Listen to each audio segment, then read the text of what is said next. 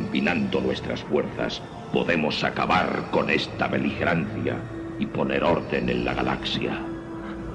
Jamás me uniré a ti.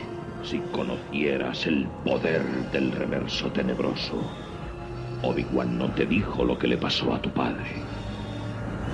Me dijo lo suficiente. Dijo que tú le mataste. No, yo soy tu padre. Ninguna es perfecta.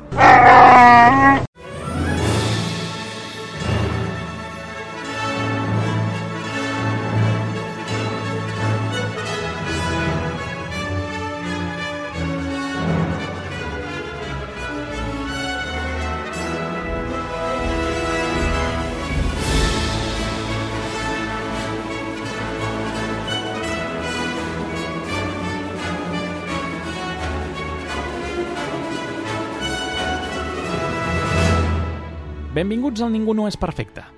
Després de diversos especials que hem gravat durant aquest confinament, aquesta setmana ens endinsem en el format de ressenyes i crítiques per parlar de pel·lícules. Malauradament, la situació no permet que els cinemes tornin a obrir, però hem seguit veient pel·lícules, sigui a través de plataformes o vídeo en demanda.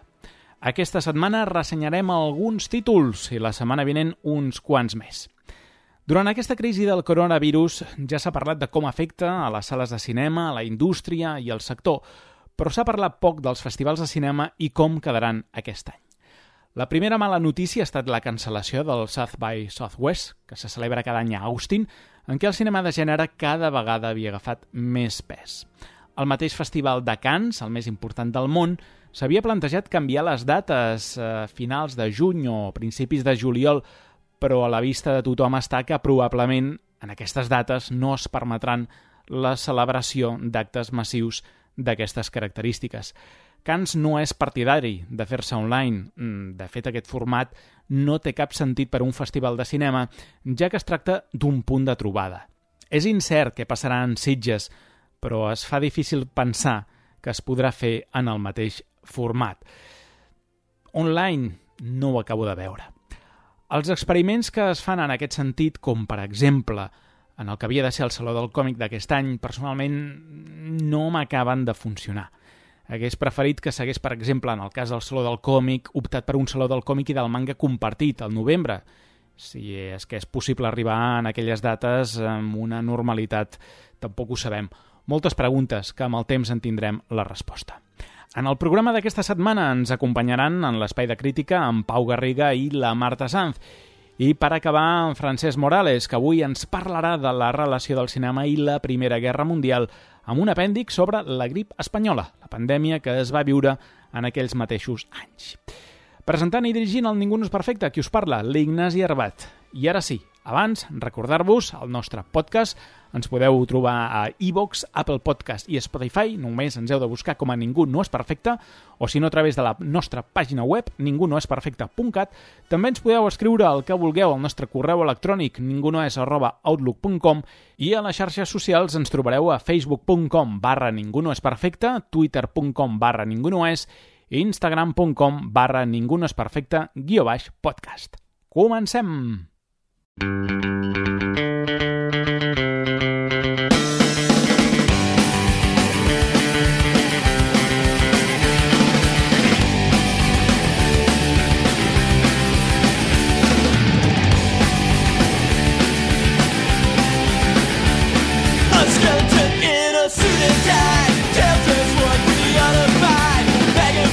feia setmanes que no teníem tertúlia de cinema i tenien ganes de reemprendre-la ni que sigui amb els títols que hem vist en streaming aquestes eh, darreres setmanes. Per tant, farem així una mica de ressenya variada, sense spoilers, de totes aquestes pel·lícules. Ens acompanyarà en Pau Garriga. Pau, què tal, com estàs? Bé, aquí, mira, m'heu enganxat a casa de casualitat aquests dies. Eh que sí? Estàs a vacances? Sí, sí, sí, poca feina ja. I la Marta Sanz. Marta, què tal? Com anem? Bé, bé, molt bé. Doncs, eh, si voleu, comencem i ho farem parlant de l'última pel·lícula de Kevin Smith, que és Jay i Bob, El Silencioso, El Reboot, eh, pel·lícula que ha arribat en streaming, s'està distribuint darrerament, és aquesta pel·lícula que podríem dir que el Kevin Smith eh, reemprèn l'univers eh, aquest de Jay Silent Bob o aquest subunivers, no? perquè a vegades els eh, protagonistes secundaris, aquest el Jay Silent Bob, doncs no deixaven de ser són secundaris i fins i tot havíem tingut alguna pel·lícula pròpia com Jay Bob, el silencioso contraataquen.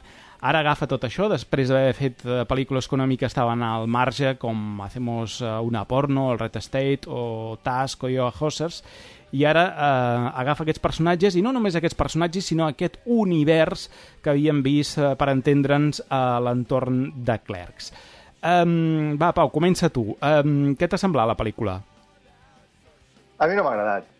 Uh, I mira que em sap greu dir-ho, eh? perquè Kevin Smith m'agrada molt. Uh, perdó, no, puntualitzaré. Kevin Smith m'agradava molt. Uh, jo sóc molt fan del Kevin Smith de Malrats, que, bueno, el vaig veure a la meva època adolescent i dius, te senties molt identificat amb el seu univers que havia creat, amb els personatges. A més a més, era un cinema que el veies fet eh, amb quatre xavos, gairebé, que dius, hòstia, mm, qualsevol pot fer cinema. I tots els que ens agradava i ens agrada aquest món, i en algun moment havíem pensat a fer alguna cosa, dius, ell pot fer-ho, jo també, és un tio que, que s'ho treballa, però que no necessites un pressupostos grans per fer cinema, sinó necessites bones idees i trobar gent il·lusionada com tu que vulguis fer-ho. I m'encanta, evidentment, el de Clerks, el de Persiguiendo a Amy, però per mi, Kevin Smith, hi ha un moment on comença a repetir-se, a repetir-se a més a més, uh, perd una miqueta uh, la seva essència des del meu punt de vista. I uh, Clerks 2, per exemple, és un exemple d'això, on les bromes que tenien gràcia a Malrats i tenien gràcia a Clerks, aquí els atorna massa grulleres, fins i tot pel meu gust, i, i que no, no me transmeten el mateix que em transmetien les seves primeres pel·lícules. I veient en Jay Silent Bob al reboot, que per mi no és més que una excusa que per reunir tots els seus col·legues a eh, fer una pel·lícula però sense esforçar-se a fer alguna original, sinó repetint la mateixa fórmula, bromes, excepte alguna nova, gairebé són les mateixes bromes de sempre, enxufant-hi familiars, enxufant-hi coneguts, que val que ja és el que feia, però d'una manera que abans com a mínim aportaven alguna cosa a la pel·lícula i ara simplement eh, estan en allà.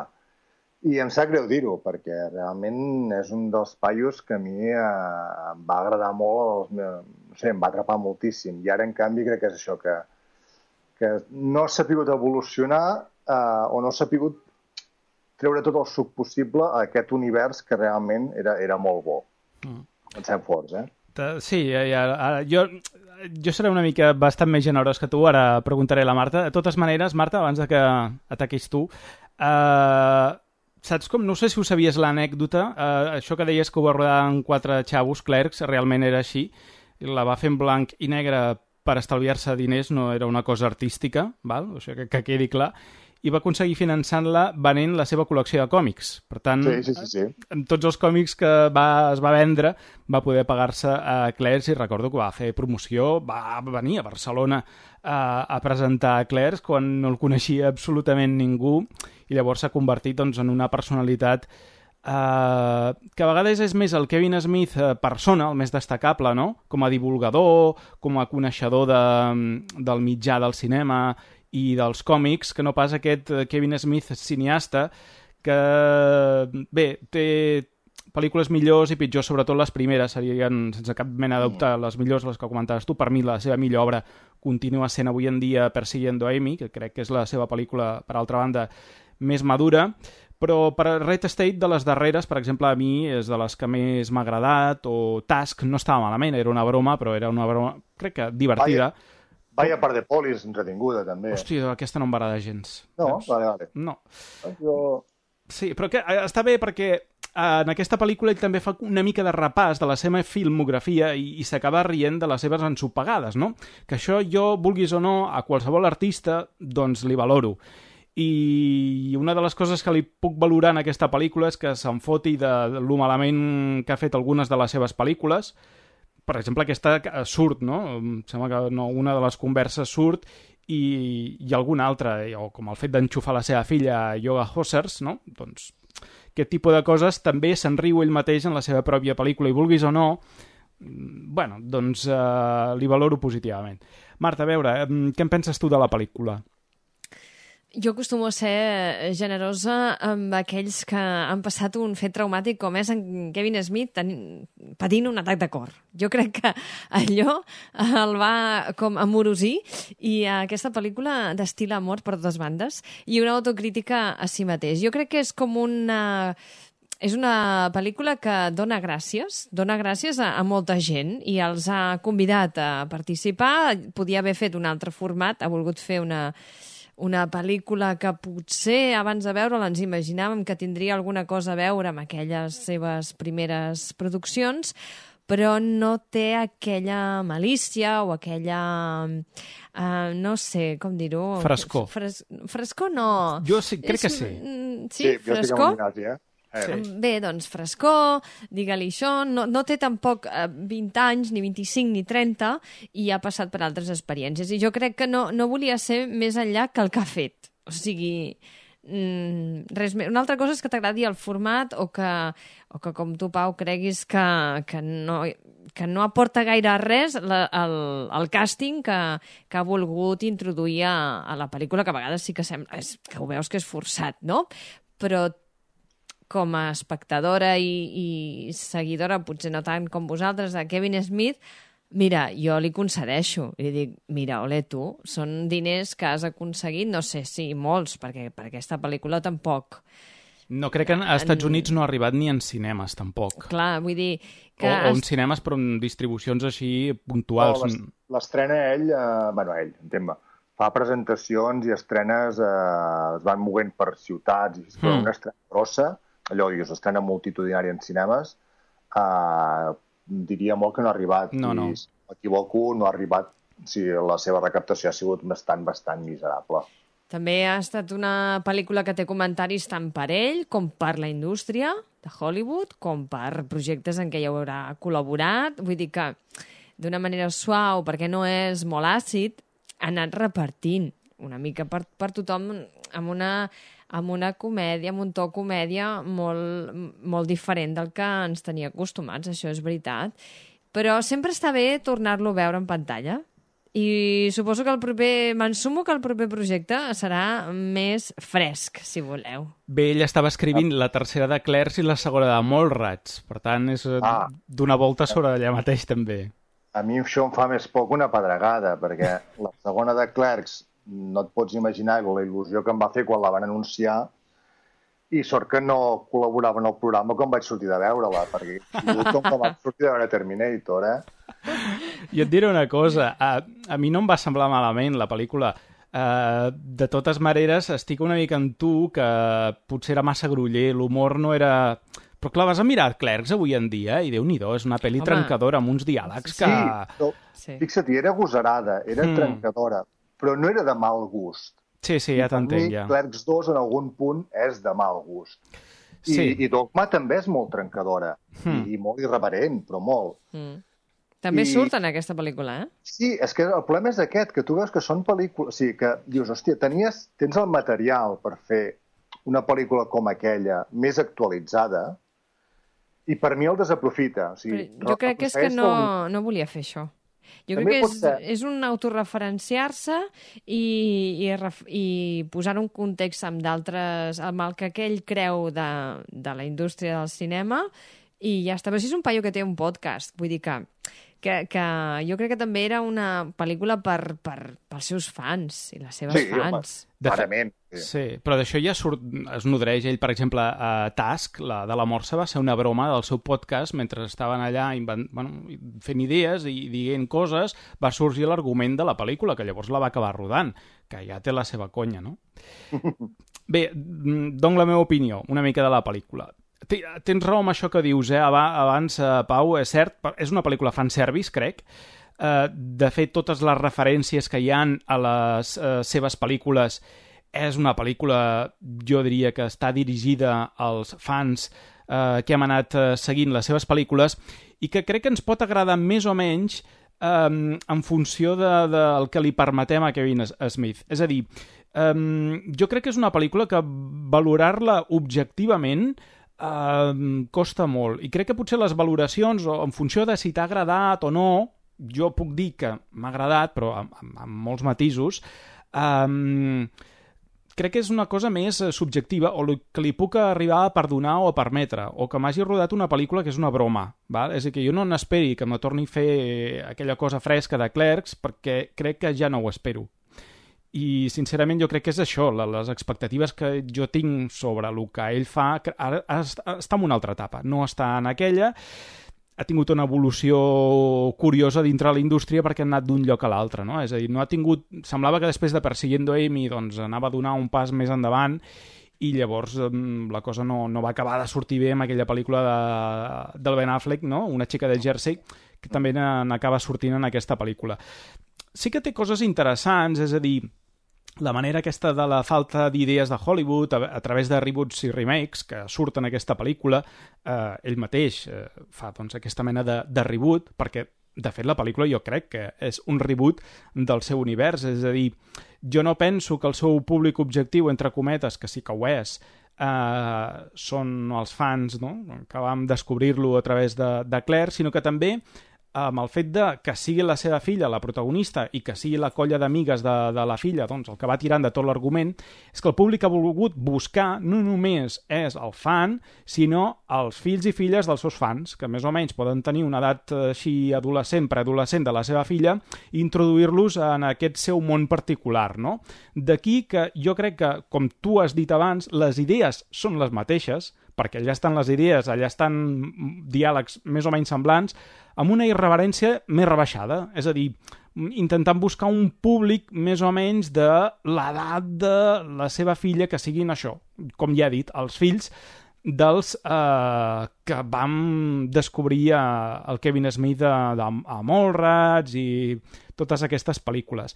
I d'aquí doncs, que ell s'hagi nodrit de, de, dels seus actors de confiança descobriments, podríem dir, com Ben Affleck, no?, que quan el va agafar Ben Affleck, doncs, mm, bueno, era un, era un amateur i amic d'ell, per tant, Ben Affleck doncs, és qui és gràcies a, a, a Kevin Smith, no? Um, repeteix el seu personatge, per cert, de Persiguiendo Amy, en canvi, és el, el personatge que fa, per exemple, el, en Jason Lee no és el de Persiguiendo Amy, sinó és el de Mallrats, no? Per tant, aquí, com, com que veiem actors que han repetit diferents personatges, aquí els veiem també fent alguns d'aquests personatges que havien fet a, a la seva trajectòria d'aquest eh, univers eh, Kevin Smith. I aleshores també ten tenim, com tu has dit abans, cameos, no? Matt Damon, Rosario Dawson, que ja també havien treballat anteriorment amb el director, Chris Hemsworth, que no sé, deu ser amiguet, perquè Kevin Smith i Chris Hemsworth jo no, no els havia relacionat encara junts, però bé, uh, allà està també el cameo de l'actor, i no sé, jo crec que aquí el Kevin Smith ja era bastant conscient del tipus de pel·lícula que estava fent. I no pretenia altra cosa que eh, aportar-te aquesta nostàlgia, que et deixessis endur per les referències a les seves anteriors pel·lícules i que el públic no s'esperés tenir les mateixes sensacions o que vas tenir la primera vegada que, que vas veure aquestes eh, seves primeres pel·lícules, no? És una pel·lícula d'aquestes com bé també ho has dit tu, Pau, abans, de pel·lícula d'amics, no? feta ens, ens amics, ens reunim, ens ho passem bé i rodem una pel·lícula i si aconseguim estrenar-la, doncs ja està, no? Un producte pràcticament el que dic, fet pels fans, dirigit pels fans i, i pels fills de, dels fans i, i ja està, poca cosa més és a dir, al final és t'agradarà o no en funció doncs eh, del que puguis esperar o perdonar-li a la pel·lícula, no? No sé si sí. voleu afegir més coses. Jo només volia dir que eh, anys enrere, 20 anys enrere, eh, el paper aquest de les, eh, bueno, la seva filla, les seves amigues en la furgoneta, no? Tota aquesta aquest viatge que fan per conèixer, no? Anar a una mena de Comic-Con, o no? A una mena de... Sí, seria una Comic-Con, sí. Una Comic-Con, no? Doncs eh, això hagués estat interpretat per nois. I avui dia veiem que hi ha noies que parlen grullerament, que fumen, que es droguen... Vull dir, saps? Que, que... A mi està bé. Això, això m'ha agradat. Que ara ho veiem com normal i fa uns anyets això no, no es veia tant al cinema. I hi ha un moment Cucus Clan, que que està bé. al moment. Sí, Vull dir, està allà colat com un calçador, però dius, vull deixar clar, no?, que aquests paios són la pesta, no? I, però bé, sí, sí. uh, Pau, no sé si vols afegir alguna cosa més. No, no, estic d'acord amb tu, eh, que suposo que part del meu desencant amb la pel·lícula ve per la l'exigència, potser, que li puc tenir a Kevin Smith, sapiguent d'on te ve i, i que n'esperava més, bàsicament. O sigui, no sé, mm. és, l'uni- és un univers, ja dic, Clairs, Malrats, Persiguiendo a Amy, Vicky Dogma per allà al mig amb calçador una miqueta, que per mi és molt, molt ric, eh, va, va, va significar molt quan era adolescent i l'havia vist, eh, i que es, en, per mi, des del meu punt de vista, es desprestigi així, eh, em sap greu. Bé, Mm. si aconsegueix portar nova gent i aquesta gent recuperi els seus originals o clàssics i eh, eh, engre- engreixem les files, perfecte. Però a mi mm, no m'acaba de, de fer el pes. M'esperava n'esperava alguna més, alguna més trencador, més irreverent. Tens l'oportunitat de reunir tot aquest càsting? Uh, no sé, un punt més d'exigència. Bé, tenim en tot cas la broma de Ben Affleck sobre el seu paper de Batman. Per tant, ah. això quedarà allà per la història i com un dels gags més memorables de, de la pel·lícula. Bé, canviem de, canviem de cinta. Anirem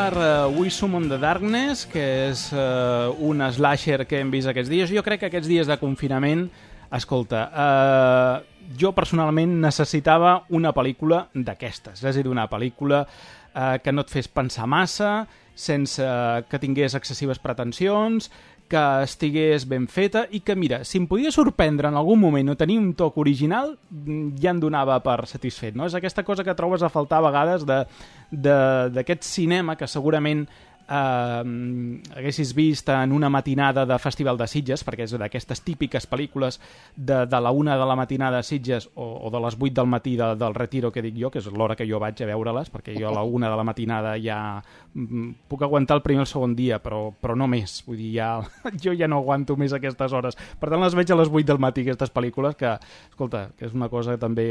Eh, és una experiència. Eh, doncs no sé, a mi, a mi la, la valoro positivament, m'ha agradat, eh? Tu, Pau, també t'ha agradat aquesta? A mi aquesta m'ha entrat molt bé. Suposo que és, te- tens el punt aquest condescendent de, de que no te n'esperes res, mm, vas entretenir-te i passar-t'ho bé i que ja vas potser amb la, amb la idea de que, de que serà dolenta. Per tant, per poc bona que sigui, ja t'ho ja passes bé i t'ho entretens. I aquesta és una pel·li petita, eh, és una pel·li que si hagués arribat al cinema no li dono més de dues setmanes en cartell, com a molt, però que entra molt bé, et fa passar una bona estona, és una horeta i mitja, no, no s'allarga més del necessari, i té un punt divertit, té un punt entretingut, uh, jo molt, molt content i, i sorprès, perquè ja dic, no, no, no sabia què veuria, no sabia què m'esperava, uh, i m'ho vaig passar molt bé, la veritat. Doncs, eh, a més, hi ha una part important que passa a dins de casa. Vull dir, eh? que també té la seva conya. Uh, a mi no m'esperava res i m'ha entretingut, la veritat, i jo crec que les actuacions uh, estan molt equilibrades i, i, i que és, són situacions, per suposat, que és com uh, absurd a vegades, no? Dius, com s'ha d'acut fer això. I uh, és un anar pujant, no? És, és un anar pujant i, i, la, i la, bogeria, doncs, uh, va pujant i es van merdant cada vegada més. I, uh, I està molt bé que... Ai, ostres, ara no podem fer spoilers, Bueno, no? no, no hem explicat una mica l'argument, jo crec que potser l'hauríem d'explicar una mica. Recordem, eh, primer de tot, és una pel·lícula ambientada al 1988, per Sí. tant, ja estem amb aquesta història dels anys eh, 80 que li donen un context Que hi ha heavy metal, no? S- Heavy metal i slasher, el- no? Que és slasher. que l'slasher, el gènere, sobretot eh, quan millor rendiment va treure va ser els anys 80, i ja situar-la en aquesta dècada ja és eh, important. He dit ja heavy metal, ve d'abans, eh? ja ho sé, Sí, sí. però, Home, però aquesta ara- pel·lícula el que ensenya són eh, aquests concerts, de, a més amb baretos de mala mort, de suor i vòmit i, i, i fum de tota mena i, i beguda, alcohol, cervesa, bàsicament, i eh, són aquests concerts de, de bandes de heavy metal i aquestes persones tan eh, fans, eh, seguidores no, del heavy que els van seguint, els certs grups, eh, allà on van del país. I hi ha aquestes tres noies Hmm. no, que van a un concert i coneixen tres nois amb una furgoneta. I a partir d'aquí doncs es, es conviden, van a casa de- d'una d'elles, que crec que a vosaltres dos us agrada, no? La- Home. Alessandra No sé, Dario... no sé de qui estàs parlant, eh? Jo no... no... Bueno, jo, jo sí, jo sí, Alessandra Dario, Pau, t'informo si no ho sabies. Bé, doncs si no saps... Eh, el Twitter és públic i jo llegeixo coses. Llavors, eh, bueno, acaben a casa d'ella, que és una casa gran, una casa ostentosa, una casa, doncs, bé, no? I els nois estan flipant, aquesta noia que es dediquen als seus pares. I llavors tot comença a lligar. I aquí hi ha un punt religiós important i de fanatisme i és molt divertit perquè allò que és demoníac d'una banda no acaba de ser ben bé d'aquella banda. No diguem, no, sé, no diguem més. A mi m'han agradat les tres, les tres protagonistes. Alessandra Dario, com no... Eh, Les i tres més, estan molt bé. li, li va molt bé aquest paper i, i quan fa pel·lícules d'aquestes de baix pressupost, eh, amb sang i fetge o més o menys eh, que juguen, entre cometes, amb el, amb el terror, eh, l'actriu funciona molt bé. Um, llavors, per exemple, hi ha la Maddie Hasson, que aquesta és aquesta que va amb el look aquest de Madonna, no? Que hi ha Ai, un sí, moment- és tot Madonna, eh? Total. Sí, sí, és copiat. La laca.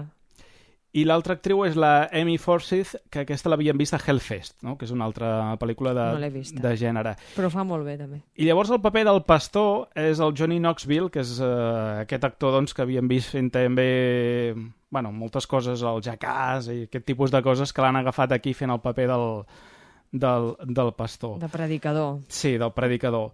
No sé, a mi... Um, o sigui, són tota una sèrie d'elements que dius és difícil que no m'agradi, perquè barreges slasher, anys 80, a la música heavy una mica, poses aquí satanisme per una banda, uh, religió per l'altra, i li dones gore, i és una barreja que a mi difícilment uh, pot... O sigui, és complicat que no m'agradi. Per tant, ja em tenia guanyat. El director és en Mark Meyers, que aquest senyor, per, per exemple, ja eh, l'any 2017 l'havien vist a Sitges i va sorprendre amb una pel·lícula, res a veure amb aquesta, eh? que era My Friend Dahmer, que es basava en l'adolescència, ens explicava la història de l'adolescència del que va ser més tard l'assassí en, en sèrie eh, Jeff Dahmer, conegut popularment com el caníbal de, de Milwaukee. Um, I ara ha fet doncs, el que seria un, un slasher pròpiament dit amb una pel·lícula de, de gènere, que crec que eh, té dos moments de sorpresa, no? Hi han dos girs que no explicarem, no? Però eh, eh, un més cap al principi i l'altre, podríem dir, una mica tocant al final, que jo els he trobat efectius, coherents i que, bueno, que no és el que potser en principi esperava d'aquesta història, però m'ha agradat una mica que, que em sorprenessin, no? El fet de capgirar una mica el paper de, de la víctima de l'eslasher tradicional del 80, crec doncs, que li acaba donant eh, aquesta frescor, no? que abans deien que no havia, doncs jo crec que en aquesta pel·lícula sí que hi ha aquesta frescor per ser capaç doncs, de, de girar una mica alguns dels conceptes eh, clàssics del gènere i a més a més doncs, fer una crítica, eh, tot i que estigui inspirada als anys 80, jo crec que hi ha certes coses, no? doncs aquesta part més conservadora dels Estats Units bé, podria ser l'actual també, vull dir, amb això jo crec que la pel·lícula no, no acaba sent molt diferent. No sé si ho veieu així. Sí, sí, totalment. Uh, I crec que en aquest cas, que deies de la Marta de, de Dario, uh, es creix molt a mesura que el seu personatge uh, embogeix, per dir-ho així. Hmm. Mm. Uh, Sí, el sí. tram final de la pel·lícula es, es, està, està, està esplèndida. Està molt... I d'elles tres... Bueno, tot, tots, tant dels tres nois com de les tres noies, uh, m'agrada molt la química que desprenen. Tens la sensació de que s'ho estan passant bé, que són conscients que és una pel·lícula petita que no, no sortirà del mercat domèstic, però tens la sensació que s'ho estan passant bé fent-la i que volen transmetre que, que s'ho han passat bé. I això, bé, és que, la frescor aquesta que dius de la pel·lícula, uh, l'aporta moltíssim. I clarament, el que deies, uh, agafa d'origen uh, el que podríem dir un slasher clàssic i li dona una volta que tampoc me l'esperava. Per tant, dius, vale, m'ha- m'han aconseguit sorprendre, m'ho estic Mm. passant bé. Sí, sí. A més, tot això ha combinat amb un grau de borratxera important. O sigui, tot això passa amb un grau de borratxera tota la, pràcticament tota la pel·lícula. Vull dir que té molts ingredients que, clar, Ignasi, vull dir, és, és, és, una, és una bogeria, és, és, és això, és per disfrutar-ho i s'ha acabat, no? Sí, és, per, és una, sí, sí. una pel·li que és una festa, si tu vols, i a més és que jo crec que té moments que, que fa riure i sap que ha de fer riure, i hi ha moments que sap que ha de fer por i fa por. Val? Per tant, aconsegueix aquest equ- equilibri, moltes vegades eh, difícil d'aconseguir. I hi ha un puntasso musical que a mi m'agrada molt, Sí, que és que et passes tota la pel·lícula escoltant heavy, no?, i que te- esmenten grups de, de, de heavy o de rock dur, i després a la casa, la, eh, d'Ada- és Adario, es sí, diu? Salario, no? sí. que és una de les protagonistes femenines, que té molt de pes, eh, doncs posa la seva ràdio, les que teníem abans, que eren molt aparatoses, diguéssim, com la cadena no?, de música, i posa pop. I clar, dius, això Va, això demostra el que li agradava al heavy en realitat, no? està, està molt bé. Sí, I, sí. eh, I bé, i també hi ha els elements eh, típics, no?, cliché de slasher, no?, quan entra el xèrif, no?, que aparca davant de la casa i surt del cotxe, tu ja veus el seu futur. O sigui, quan surt de la porta, el típic, no?, xèrif rodanxó, Sí, perquè, bueno, supercalmós... juga una mica amb aquests tòpics, no? Clar, és, Mm. hi ha tòpics també que, que fan uh, una mica la... Però no saps mai perquè a vegades te'ls gira i per tant estàs en un punt que no saps què passarà, dius això és el tòpic perquè passarà el tòpic o me'l girarà altra vegada, no? Home, però hi ha alguns que són no qüestionables. O sigui, que jo ja veus com anirà. Però bé, és, és entretinguda. Uh, alguna cosa més si no passem a la següent?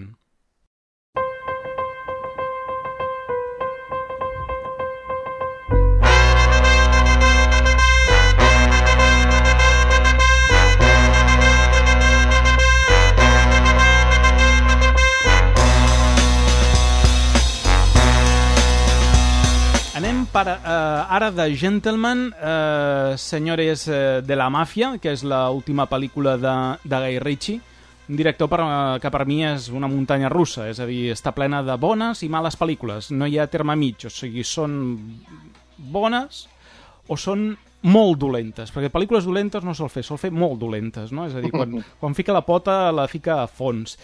I jo crec que quan més grans són les seves pretensions comercials, pitjor li surt la cosa.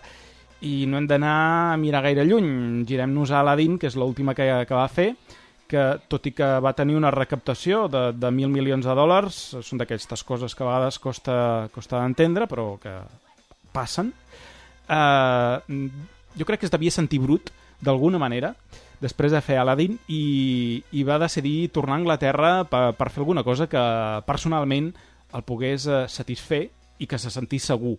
I d'aquí potser, això m'ho invento, eh? jo ara, ara estic aquí especulant, i, i va dir, què sé fer millor? Doncs pel·lícules d'aquestes de, de, de, de gàngsters angleses eh, i se'n va anar doncs, a, a fer potser el que eh, sempre se li ha donat millor, no? Tot i que és un cas també, eh, Pau, no sé si estaràs una mica d'acord amb mi, una mica com el de Kevin Smith.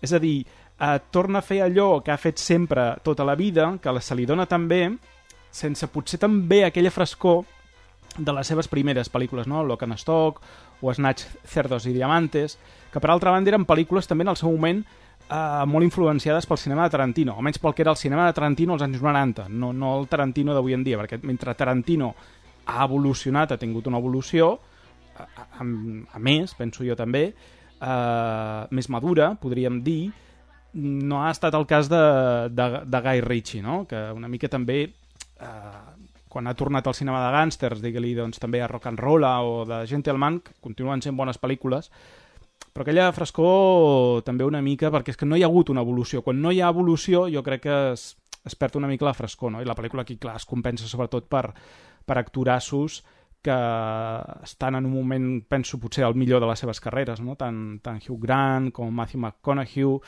eh, com Colin Farrell, penso que han madurat molt amb aquests anys i estan en un moment molt dolç interpretativament, no? Per tant, mm, és un plaer eh, veure'ls en aquesta pel·lícula. Mm, gairebé no, no t'hi afegiria gaire res més perquè coincideix, bueno, sí que t'afegiré, evidentment, però Mm. coincideixo molt. I, i, I crec que, a veure, discrepo amb una cosa del que has dit, perquè per mi, per exemple, de Gentleman estaria al nivell de, tema, eh, moment, de Rei Arturo i Operació Uncle, Hosti, no. en què no és ni molt bona ni molt dolenta. És una pel·li d'en Guy Ritchie que m'agrada, però al mateix temps em deixa fred. Que és el, el que m'ha passat amb aquestes uh, tres que t'acabo de dir ara. Aladdin ja ni la conto, Sí, perquè que- Aladdin és el més horrendo que ha parit amb anys. Però jo, el rei Arturo, no, és que no... no, no bueno, és que... Jo, el Rei Artur, m'ho vaig passar bé. Hosti, jo no. No Jo m'agrada gens, eh? És que és uf, I fatal. aquí- Sí, hòstia, Sí. aquí vaig... En canvi, veus Operació Ankel, que has mencionat, sí que em va agradar, em va agradar molt. I, I jo crec que ell també se'n sent particularment orgullós, perquè hi ha un moment que es veuen cartells de pel·lícules, si t'has Sí, fixat, sí. i es veu I el d'Operació Ankel. No surt el d'Aladin, per exemple, no? Surt... No, no. Home, no, no hagués estat molt justificable, no? Veure un Aladdin entre Oh, i- gàngsters o... Bueno, i per què no? Per, per, I per què està Operació Ankel? Home, perquè és de, era més d'espionatge. Ja, però jo crec perquè és una pel·lícula que ell se'n sent orgullós de com A li mi va em va sortir. agradar Operación Sí, Ankel. a mi Sí, també. sí, sí, està bé. Ja, ja t'entenc què vols dir, Pau, que potser exemple, no brilla el- tant com eh, brillava a les pel·lícules de Snatch, no? Sí, és el, el, No sé. el, l'exem- o sigui, el, el fer el símil amb en Kevin Smith és, per mi és totalment encertat en aquí, perquè ens trobem eh, el mateix, que les seves primeres pel·lícules són originals, fresques, eh, trencadores, ja sé que m'estic repetint d'adjectius, però és que és, són dos carreres que van molt, molt a la part. Comença eh, Logan Stock, eh, va trencar motllos i el, es va convertir en un èxit eh, que mar- marcava un estil. Un estil de, de història, però també a Guy Ritchie se li ha de reconèixer un estil de, de, de dirigir, de- d'explicar les pel·lícules, molt fragmentades. Hmm. Però per mi no deixava de ser una mica un Tarantino a l'anglesa Sí, sí, sí. I, i, i de segon nivell, eh? És a dir, i era, no, no era una cosa tan nova, sinó era... mm, Intento ser Tarantino sense ser-ho, no? Però era la seva marca. Sí, sí, sí. Que, per exemple, jo aquí de Gentleman l'he reconegut amb, amb, amb història, amb guió, però no amb la direcció. O sigui, Vols dir? si me dius que gent... Jo no li he trobat uh, el punt aquest Jo sí, tant eh? trencador que, que, que estava acostumat amb, Ah, no. amb Snatch, Logan Stock, i que fins i tot vaig veure a- amb Rei Arturo, que Rei Arturo, en canvi, és al revés. Reconeixia el Guy Ritchie Mm. director, però no el Guy Ritchie eh, guionista, per dir-ho No, així. jo Trencador tampoc l'he vist, però, però sí que el reconec en el muntatge, per exemple, en la narrativa. És el mateix. Sí, és Però ell. perquè parlo de sempre. Sí. Eh, I aquest, pa- per mi va, veu més de la història que de la direcció, perquè el que et fa és agafar una història molt senzilla i te la comença a embolicar, desmuntar i, i, i donar-li eh, voltes sobre ella mateixa fins que aconsegueix fer-te mm, en una mateixa pel·lícula 10 girs de guió i tres sorpreses inesperades. I això és el que ell eh, fa amb, amb la història de la pel·lícula. Jo el que li he ignorat en aquí és a, a, a bueno, aquests, per dir-ho així, cops de càmera que ens tenia acostumats a Guy Ritchie, amb, amb mm, càmeres ràpides, canvis de plans eh, gairebé que, sembla que em marejaven. Sí, però avui en això- dia això ja no es porta. Ja, però és el seu estil. Ja. I, I aquí li he trobat a faltar. A més a més, també eh, l'expectativa fa molt de mal, com sempre passa en moltes pel·lícules, i m'havia fet farts de- d'escoltar i llegir que aquest era el, el Guy Ritchie que més tornava al Guy Ritchie original, que per fi el tornàvem a veure. I jo aquí n'he vist el 50% d'aquest Guy Ritchie original.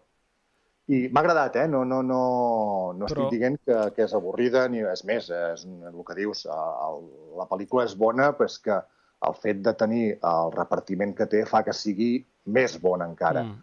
Però tu això que li veus com un defecte, jo en canvi no. Trobo que forma part també de la seva evolució i per tant dius és una mica un canvi que no deixa de ser el mateix, però és, però és un canvi, com tu has dit, i per tant, escolta, em, em sembla bé.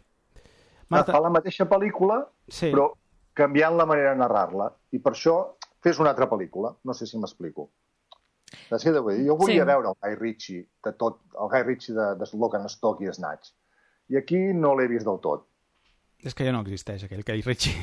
Clar. Ja, el van perdre la marea. Madonna, veus? Torna a sortir Madonna. Bé, us haig de dir que ell, en algunes entrevistes, perquè n'he vist alguna, eh, diu que ha evolucionat i que no serà mai qui va ser amb Snatch o amb Lock and Stock, Mm. mm. i que no ho vol ser-ho. Vull dir que en això esteu d'acord, Pau, amb ell mateix. D'altra banda, jo crec que portem tants de dies tancats que aquesta paraula frescor jo crec que com que la necessitem, ho trobem a faltar a tot arreu. I, i, si, I jo, sense tenir en compte la seva història, el seu historial, el seu històric, diguéssim, uh, fílmic, uh, a mi m'ha agradat. O sigui, per mi és del millor que he vist en aquestes últimes setmanes. És cert que en la primera part de la pel·lícula um, el, no en tenia res És molt atropellada. no en tenia absolutament res, no? I va- vaig quedar eh, descol·locada i una mica decebuda, perquè pensava, o és la me... o sóc jo, que no l'estic captant, o això no va enlloc. Però després t'amunta la pel·lícula, no? I eh, en realitat la força, més el que deia l'Ignasi, també, no? La tenen el, el plan, els actors els actors i, i les actrius, perquè um, aquest diàleg que, que té Hugh Grant amb, amb, amb en Hannam, amb Mark Hannam, és, és molt bo. O sigui... Charlie. Jo, uh, Charlie Hannam. Sí. Sí. Ai, m'he equivocat. En Charlie Hannam. És molt bo. I, per cert, m'he fet fan de Charlie Hannam veient aquesta pel·lícula i he començat a buscar... En Rei Arturo no, eh? La seva filmografia i, clar, clar m'he trobat que havia de mirar el rei Artur i, i l'Ignasi em va advertir, és molt dolenta. Dic, sí, però potser... No Va, va, eh? Una tarda per mi, no, Pau? Podria ser. Vull dir, me l'agafo per mi. Home, veuràs de les pitjors interpretacions de Jude Law, si no la pitjor de la seva vida. Estan allà. Però jo no vaig a mirar, no aniré a mirar Jude Law, Aniré, aniré a mirar en Hannam, que jo crec, no sé si us ha agradat, a mi m'ha encantat el seu eh, paper de mà dreta íntim amb una mena de trastorn compulsiu, obsessiu, mm, A mi m'ha- antisèptic. A mi m'agrada la barbacoa. De... La, barba, la Eh, barbacoa. Oh, brutal, jo vull allò, eh? Bueno, a veure, eh? allò val molts diners. Això us heu de fer a la idea, que allò val, val molts diners, i el bistec que hi posa també Segurament. val molts diners. Però el bistec ens el podem permetre, la barbacoa no sé. Uh, bé, en ell, uh, a l'actor, li ha agradat moltíssim. Van fer, jo crec, una bona amistat amb el rei Artur, que es veu que havia de ser una sèrie de pel·lícules, però la cosa no va, no va sortir bé. I, I hi vaig veure, no sé si va veure al Twitter, que Guy Ritchie el va felicitar ara fa poc, no sé si va ser el 10 d'abril, que va ser l'aniversari d'en Charlie Hunnam, i va fer els 40 i, i el va felicitar molt carinyosament. Vull dir que jo crec que tenen molt bona química. I ell ha estat molt, molt... Uh, li ha agradat molt treballar amb Hugh Grant i van treballar d'una manera molt um, con concentrada, en quatre dies, quatre dies i mig, 45 pàgines de guió, ells dos. És que el Hugh Grant està que se surt últimament entre aquí, que crec que està esplèndid, i a la sèrie aquella Very English Scandal, que també Oh, està que sensacional. Jo, que, que estic Uah. en sequera, de ser, jo la volia tornar a mirar, perquè dic, ara és com, eh, vull tornar a mirar allò. Allò que abans eh, ho mires, eh, ho disfrutes, però quan veus que a l'entorn hi ha una qualitat una mica més baixa, dius, millor torno a mirar alguna cosa que m'ha agradat molt. La veritat és que sí, que està molt bé. I, uh, i això, que van ser... El que sí que diuen els, uh, els actors, i no, i no s'han estat, i el mateix Guy Ritchie també, és que reescrivia el guió cada dia al set de plató. O sigui, quan els actors anaven a, amb el seu guió après, en Guy Ritchie eh, els hi feia canvis allà mateix. Vull dir que les condicions tampoc hauran estat molt fàcils, no?, per, Sí, però Per van repetir, actors? eh? Per tant, suposo que deu ser un tio que com a mínim els deu caure simpàtic. O Sí, deuen... tothom parla molt bé d'ell. Tothom parla molt bé d'ell, que Mira, treballa molt, molt a gust. M'acabes de definir la pel·lícula. Una pel·li simpàtica, per mi. Sí, no, no, sí, jo estic d'acord amb la Marta, eh? Per mi és el Mm. millor que he vist aquests dies. Sí. A més, també... Amb, amb global, eh? M'ha entretingut més la de We Som on the Darkness, no t'ho negaré, Mm. mm. Sí. però com a pel·lícula, eh, per mi és el millor, el millor que he vist. Mm -hmm. I, i Hugh Grant, el que dèiem, està visquent una segona joventut. Eh, Ostres, sí. No sé quants anys té ara, però ha estat... Xixa... Bueno, 60... Pot ser un cent i pocs, no? Crec. Poc. Sí. Sí. El problema amb Hannam és que jo uh, sempre veig en Jack Steller. Uh, em sap greu. vull dir, Que és de Sons Sons of Anarchy. Sons of Sí, Anarchy? el- perquè fa el mat... sí, té la mateixa expressivitat Ah, que, que, que, que va agafant el personatge. I això però em passa amb tot, eh? Fent de rei Artur me passava i fent de mà dreta d'un cap mafiós també em passa. però no trobes que, com a, encara que te recordi molt en aquest personatge, ho fa molt bé?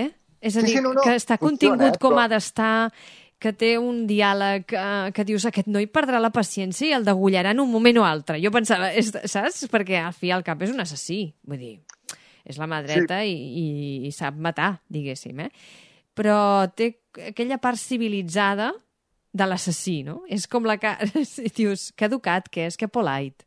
Tot molt, és bri... un actor tot molt que el treus british. d'aquest registre i, i, i, i no, no, no és en McConaughey, evidentment, o en Colin Farrell. Ja. O... O sigui, uh, ho fa molt bé, però jo sempre li veig a això, a un mateix que el compleix, s'adequa perfectament al personatge que està fent, però que no el treguis d'aquí. No el farà com a Colin Farrell, que a mi m'ha recordat el seu paper, uh, amb diferències, el que havia fet Brad Pitt uh, quan feia de gitano. Uh, I fa un paper així mm, que requereix molt de treball a l'actor i, i que per mi està esplèndid i és un dels... Tot i el, el petit que és el seu paper, eh, és un dels grans d'aquesta pel·lícula. Molt bé, doncs eh, aquí queda aquesta recomanació. No sé si voleu afegir alguna cosa més, no? Aquí no només reben els gàngsters, sinó la burgesia anglesa també eh, Sí, sí. rep una mica eh, en aquesta pel·lícula. Sí, sí. Eh, Sí. Burgesia decrèpita i, i que el que fa és escurar el país més que, que portar res, no? Sí. Amb aquesta part l'he trobat que, bé, que Mm. potser era un punt diferent, no? De, de no només gàngster, sinó que fa allà una crítica una mica infantilitzada, però, però bé. Que va repartir una mica i ja està, però no... Ho deixa allà.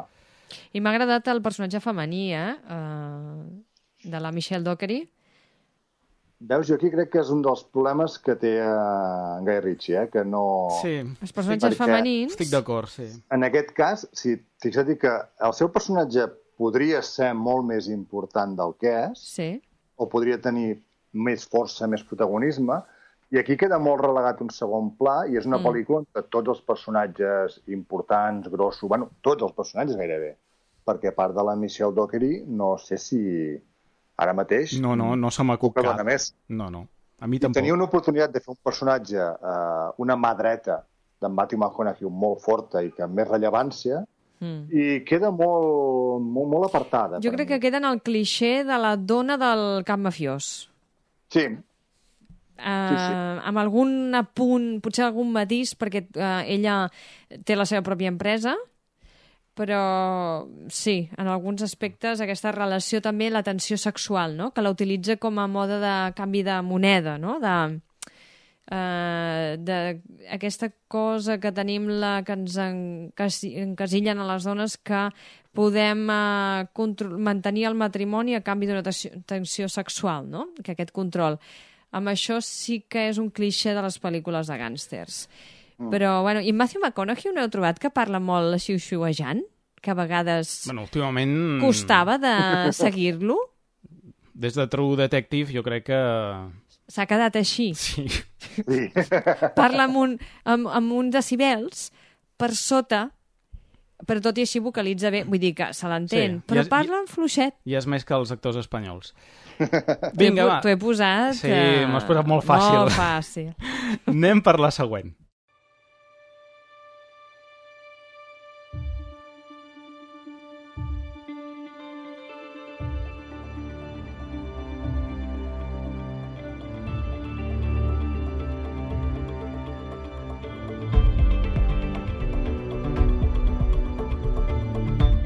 Parlem de Bloodshot. Um, uh, bé, què podem dir? Què podem Quin festival? Dir? Què Quin festival? Dir? Quin festival de pel·lícula? Primer, deixeu-m'ho deixeu dir... Aquesta sí que és fresca, no, Ignasi? Molt fresca. Havia, a, aquí arribava Valiant, no? l'editorial aquesta de còmics, eh, per ser el nou Marvel Studios. Exacte. Eh? Uh, recordem que Valiant Comics és una companyia fundada per Jim Shooter, que aquest senyor havia estat editor en cap de Marvel Comics als anys 80, i va fundar l'editorial per, per competir amb Marvel i DC.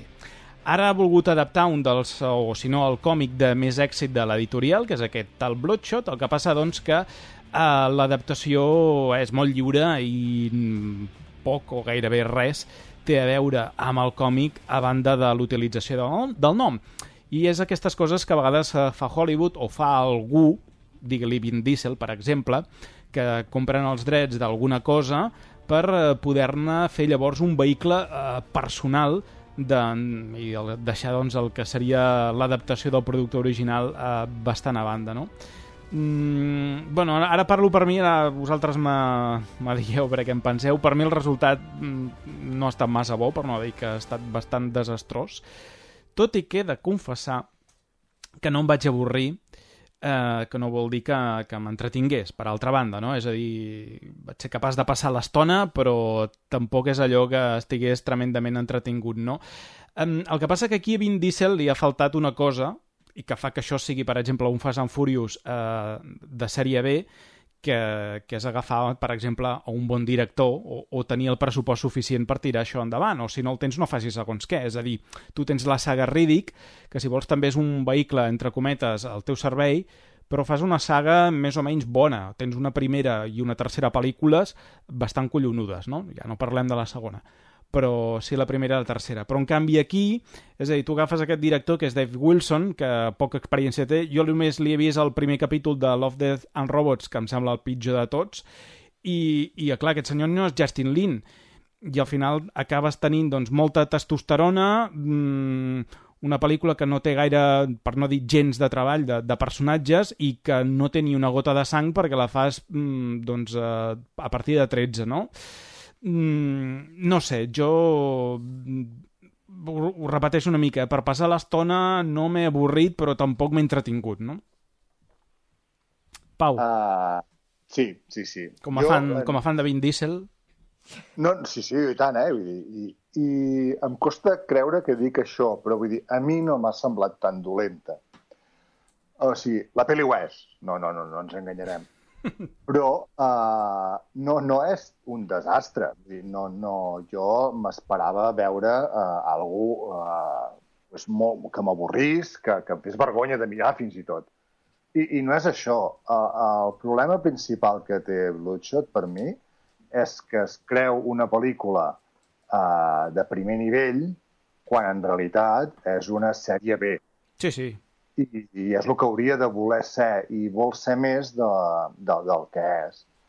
Però això és el que dius, també agafes un, un bon director de, de pel·lícules d'acció, uh, no cal que sigui un director de primer nivell, uh, un director jove, un director fresc, algun que aporti alguna idea o tingui ganes, i li dones aquest material i segurament et farà alguna que, que no competirà amb Iron Man no competirà amb Batman vs Superman, però que serà un producte de, de passar l'estona, de sèrie B, d'entreteniment, a un bon nivell. El problema és que el vens com, uh, com algo que no és. Uh, la, I la gent la veu i diu, pues això no és uh, Deadpool. I dius, vale, és que no, no, no, ha de, no ha de buscar ser Deadpool, ha de buscar ser una cosa més senzilleta acció en Vin Diesel corrent amb camiseta de tires, eh, repartint tiros, patades eh, a gent amb ametralladores automàtiques, i si li podem fer una persecució amb cotxe, moto o helicòpter, li, fe, li fiquem i ja Però està. aquí està el problema, I... Pau, que tu dius, la pel·lícula hauria de ser més física.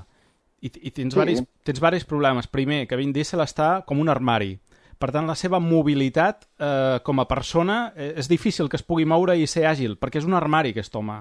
Aleshores, com, com el movem?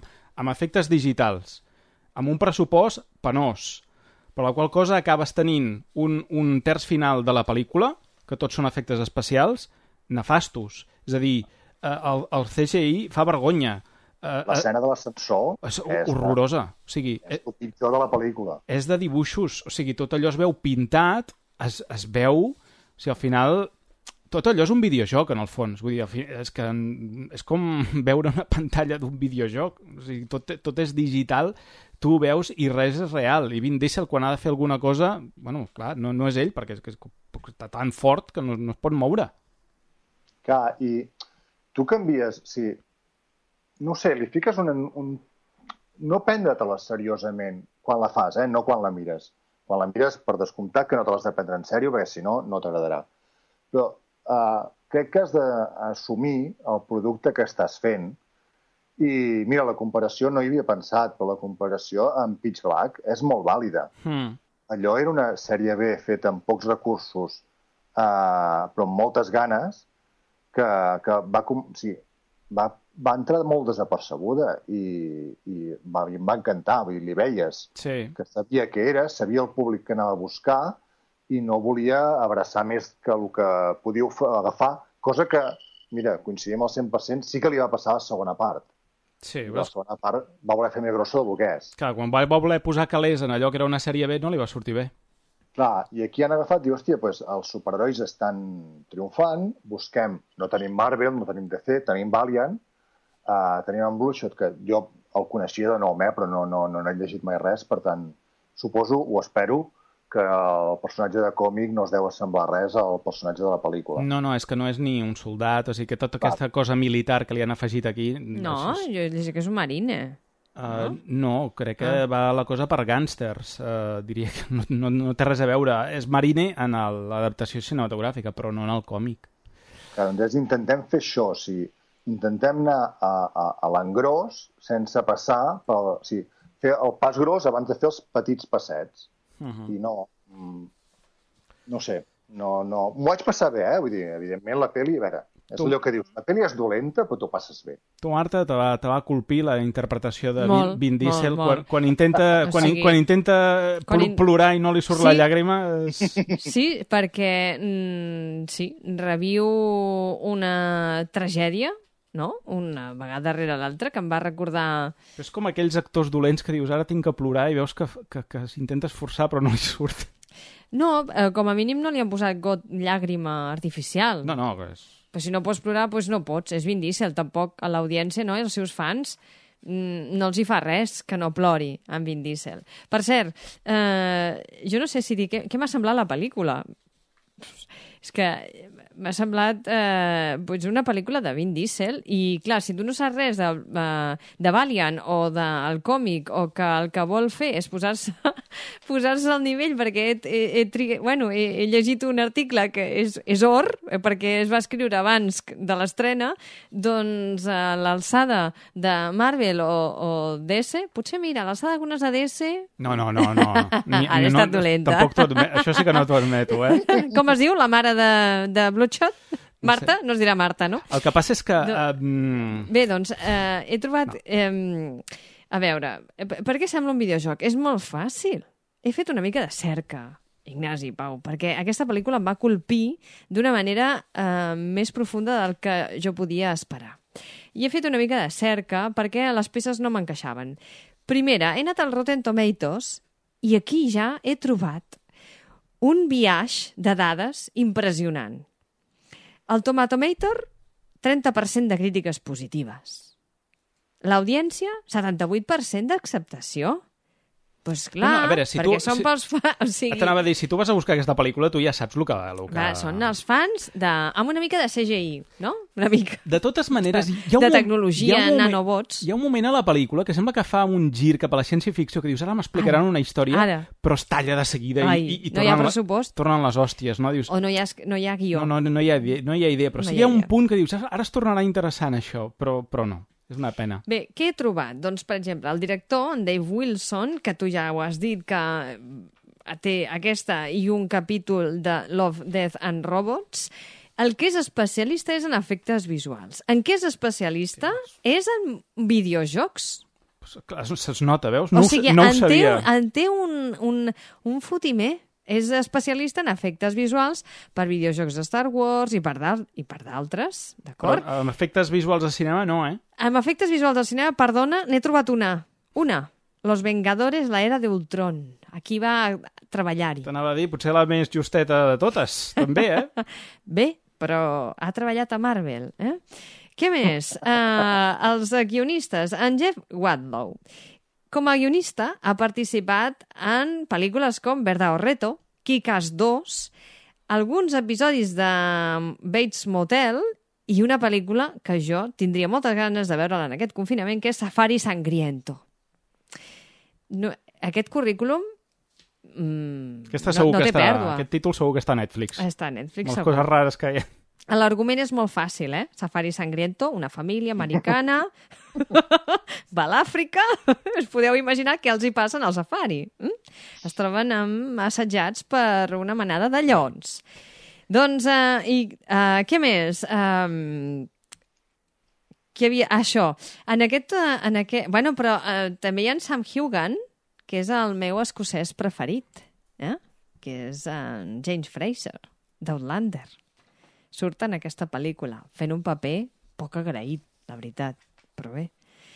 I, uh, i ens surt un que és uh, un actor que és islandès, que és en Johannes Haukur Johannesson, que fa de Nick Baris, que havia sortit a Joc de Trons, uh, The Last Kingdom, Alpha, Atòmica...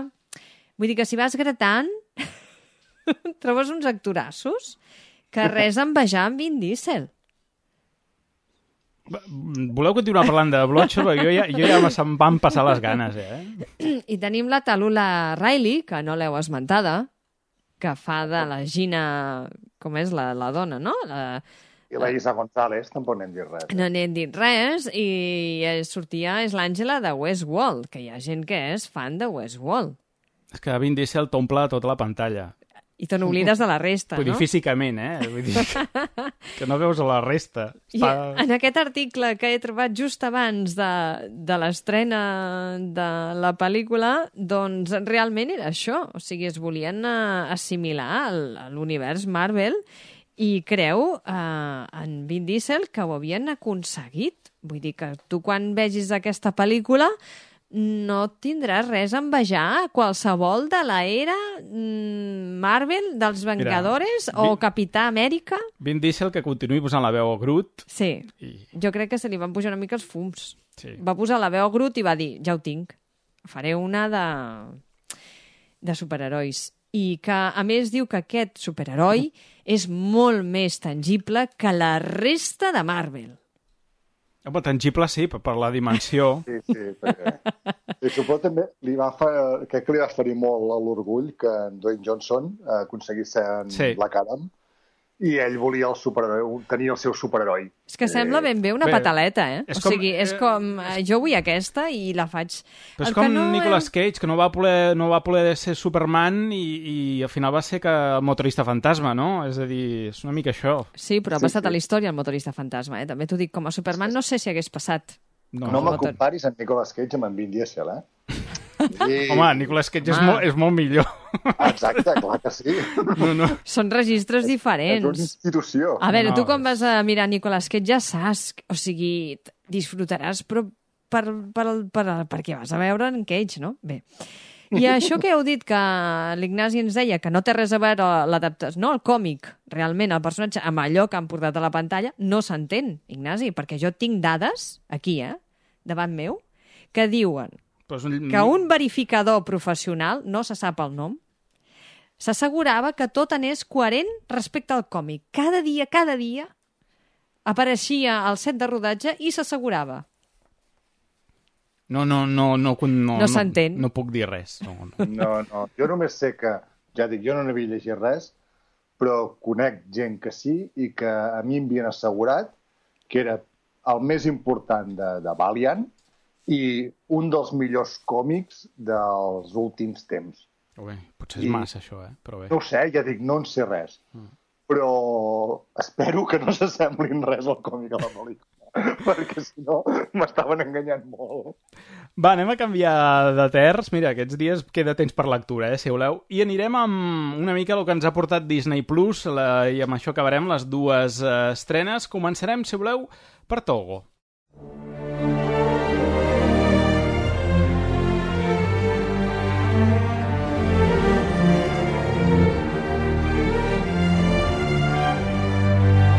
potser, per mi, de les pel·lícules que està a Disney Plus ara mateix, d'aquestes originals, eh, per mi seria la millor. També he de dir que la resta, doncs, eh, doncs com que no, val? per tant, la competència tampoc és molt ferotge, però vaja, dintre de tot, és una, una revisió de, de la pel·lícula Balto, aquella pel·lícula de l'Universal de l'any 95, basada en fets reals, no?, Eh, de fet, la història està també basada en fets reals, està ambientada al 1925 en un poble d'Alaska, Nom, hi ha una epidèmia de diftèria entre la mainada de la població, aleshores hi ha una tempesta de neu que va bloquejar totes les uh, rutes de transport i per obtenir els medicaments uh, necessaris uh, per curar tota aquesta mainada uh, havien de travessar 1.100 quilòmetres de distància a través del gel i la neu. I l'única manera de fer-ho era a través de gossos. I la pel·lícula ens narra precisament aquesta història a través de uh, la figura de l'amo i del gos que van liderar aquesta expedició, que van conduir aquest uh, trineu, i uh, les relacions que hi ha entre l'animal, el togo, i el conductor dels trineus, que està protagonitzat per el, el William Dafoe, no? I com ell, doncs, ha de sopesar el fet de posar en perill la vida del de, seu millor amic, que és uh, aquest gos, per salvar els uh, nens del, del poble. No? Aleshores, aquí anem coneixent la relació a través de flashbacks entre el gos, el Togo i, i el William Dafoe, no? que veiem doncs, que és un gos que és capaç doncs, de, de, de final trencar no? a través d'una voluntat eh, tenaç i reductible de l'animal una mica els prejudicis que, que tenia el personatge de Fue a, tra a través d'aquest gos i com veiem doncs, eh, tota aquesta història que pot recordar una mica amb La llamada de los salvajes, sobretot a la seva primera hora, però, però no són pel·lícules que en realitat no, no tenen res a veure i que expliquen coses eh, molt diferents. Eh, què us ha semblat la pel·lícula? Uh, a veure, bé, Bé, bé, bé. És un... Bé, també deies uh, la competència. Hem de marcar on te posem el llistó, perquè si la comparem amb la resta de pel·lícules originals que ha fet Disney de moment per Disney+, Plus, aquesta és d'excel·lent alt. Però, com a pel·lícula en si, clar, jo esperava trobar-me una pel·lícula d'aventures, que ho és, però té més força i per mi és molt millor quan la pel·lícula explica la relació humana eh, que va tinguent el personatge d'en Dafoe amb en Togo, eh, els trossos de flashback, per entendre'ns, que, en canvi, quan passa l'aventura, perquè els trossos de, del trineu amb la neu, què vols que et digui? A mi em van semblar poqueta cosa. Mm, m'esperava això, una pel·lícula d'aventures, potser una mica més d'escenes de, intrèpides, i si traiem les escenes de de que creuen el llac gelat, mmm, la resta queda una miqueta fluix i estem parlant d'una escena que és la repeti... o sigui, es repeteix dues vegades. Crec que li ha faltat això, o sigui, definir-se ben bé com una història tendra de la relació home i l'animal i un tros d'aventura. I no, per mi no troben l'equilibri en els dos moments la, la pel·lícula. Li falta això per ser rodona del tot. Però és entretingut. Aquí, aquí discreparíem, eh? perquè jo aquest equilibri sí que l'he trobat. No sé, Marta, tu desempates o... És que jo no tenia cap idea feta i a mi em va, clar, va, semblar una pel·lícula tendra, molt. I que sí, és, sí. Veri és veritat, sí, ja ho has dit, Pau, és veritat. I que és, uh, ara seria refrescant, eh? Perquè passa amb molta neu i molt de fred. I uh,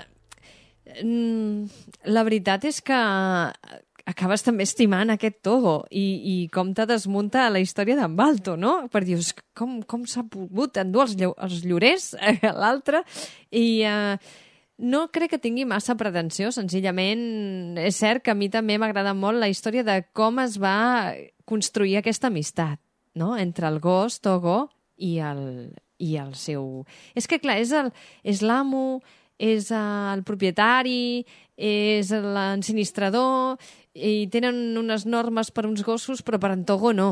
I, eh, i m'agrada molt això, no? Perquè en Togo seria aquest fill teu que és el, el, el més atrevit, el que trenca els límits, el que més eh, te demostra tota la passió. I ell, doncs, és el seu preferit. I, però, clar, quan va enrere, amb tota la, no? tota la crueltat de... Aquest mira com es comporta, perquè era un, era un gos entremaliat i em feia de molt grosses, molt intel·ligent.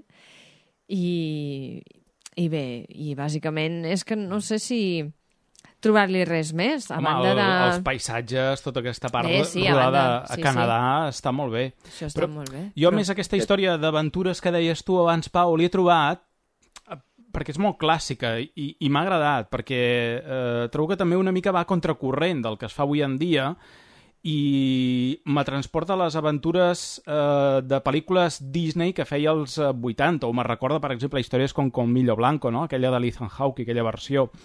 Me recorda molt aquest tipus de pel·lícula que potser ara no es fa tant i, i per altra banda, l'amistat entre eh, l'home i el gos que comenteu mm, també. I la Julia Nicholson, no? que també és l'actriu que, per exemple, surt a la, a la sèrie aquesta de, del Visitante que hem vist últimament, doncs també surt aquí que fa la de, de la dona de William Dafoe, no? Però no només de dona. No, no, un personatge important que, que té una relació també especial amb el gos i és ella que Bueno, li té fa... una intuïció amb les anima... Sí. A més, té una intuïció a la vida, en general, Sí, sí. no? A més, és belga o... o, o... No ho sé. I diu, qui, qui m'amanaria a mi casar-me amb una... Bé, perquè... I penses, ostres, qui se'n va a viure a Alaska en una època difícil, no hi ha medicaments... Eh, mm, han de... Quants eren? Quasi mil quilòmetres, no? 1.100. 1.100 en trineu, en, eh, queden en un punt intermig, torna, dius, quina gesta, mare de Déu. I dic que... No, no. I a mi No, m'ha agradat eh, el paper d'en Dafoe, eh? Molt contingut, molt serè, gens eh, ac aclaparador, de, saps? O sigui, ell omple, però no és aclaparador com en si en d'altres pel·lícules que l'hem vist amb, que té, em sembla aquest punt d'egocentrisme, no? És molt, no sé, molt serè. I l'evolució que fa el seu personatge és molt maca, també. Sí, sí, sí. Perquè el veus al principi del tio dur que viu a la muntanya i que els gossos són una eina de feina, per tant, Correcte. se'ls estima. Com a la pagesia, que- no? Vull dir, els Exacte. gossos de, són per cuidar el, el, el tros, no, no per res I al més. principi no diré que maltractin en Togo, perquè no ho fa, ni molt menys, però sí que és el punt aquest de, de que, bueno, és una eina i... Home, el factura, i eh, Pau? No, no, per això, per això, no, no, però no el maltracta, però com a No, eina no li serveix, factura. per tant, se'l vol treure de sobre, i en Togo té una escena preciosa que és quan escapa del, del cobert on el tenen tancat, que és on treus la intel·ligència que deies abans, sí, Marta. sí. Aquella Que- escena, aquella escena és, és molt brutal. maca. Sí, sí. Però a mi m'ha fallat aquesta part una miqueta, potser, d'això, de, de la part més de- d'aventura. Vull dir, no... no... Del viatge, vols dir? De Sí, l'expedició? que- l'expedició. Em fa... Un... Però vols dir que no és d'aven- difícil rodar alguna cosa així i, que- i que és, com diu l'Ignasi, que va contracorrent? És a dir, que es pren el seu temps perquè te n'adonis de l'esforç que, que, s'ha de, que implica fer tants de quilòmetres amb el fred, Sí, amb el vent en contra. Una de les coses que et queda clara és l'esforç, precisament. No t'ho remarca Eh. molt la pel·lícula, que no és un viatge fàcil, que és molt dur, i, i tu ho experimentes, la duresa de tot això, no? I vull reconèixer el mèrit de Disney de fer una pel·li d'aventures per tots els públics. Sí, correcte. Pots veure des de la nostra edat a nens petits de 5, 6 anys, 4, 10, sí. 11... És una pel·li de família i de crispetes. Exacte. I, re- mm, repetint el que deies en Balto, tinc la meva filla molt indignada amb en Balto. És Clar, és que és normal, és que... que pot ser que s'emportés tota la Jo també estava no indignada. fer Va I com ser funciona? I el primer a- fake news, eh, lo del Sí. Balto. Sí. Bueno, uh, diguéssim, un mal enfoc de la premsa generalista, uh, diguéssim, eh? Perquè fixa't tu que aquesta pel·lícula va molt bé per a la mainada nostra per explicar els tempos de les coses. Com llavors, perquè uh, uh, el meu no entenia com és que no podien agafar un tren o un avió. Un avió. O un helicòpter. Doncs mira, fill, perquè hi han impediments i en aquella època, i fins i tot avui dia passaria, que la natura eh, se'ns posa tot en contra i, i l'home, la dona, no pot fer-hi res. O sigui, res més que el que està en les teves mans i, a més, en Dafoe és el millor, no?, del seu, se suposa. És el Sí, sí. millor tirador de trineus, és el millor conductor. I, i a més hi ha el, això de la premsa, que no m'estranya que la teva filla estigui indignada, jo també ho estic, quan vam arribar al final de la pel·lícula, eh, perquè a més qui té el monument és en Balto, eh? Sí, sí, exacte. En Togo no. Togo no I just és allò està en el, és allò que diuen, en el moment just, en el, en el lloc precís. I és el que li va passar amb Balto. Bé, si voleu, eh, per acabar acabarem eh, amunt, amunt, amunt. A No, veure... no abandonem els animals no? i anem per la dama i el vagabundo.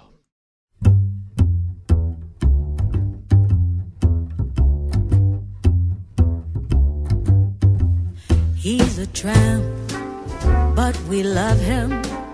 Pulls a new scam every day.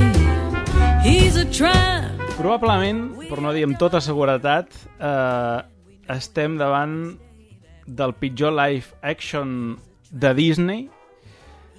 Eh, si no el pitjor, segurament sí el més innecessari i aquell que dius, per què?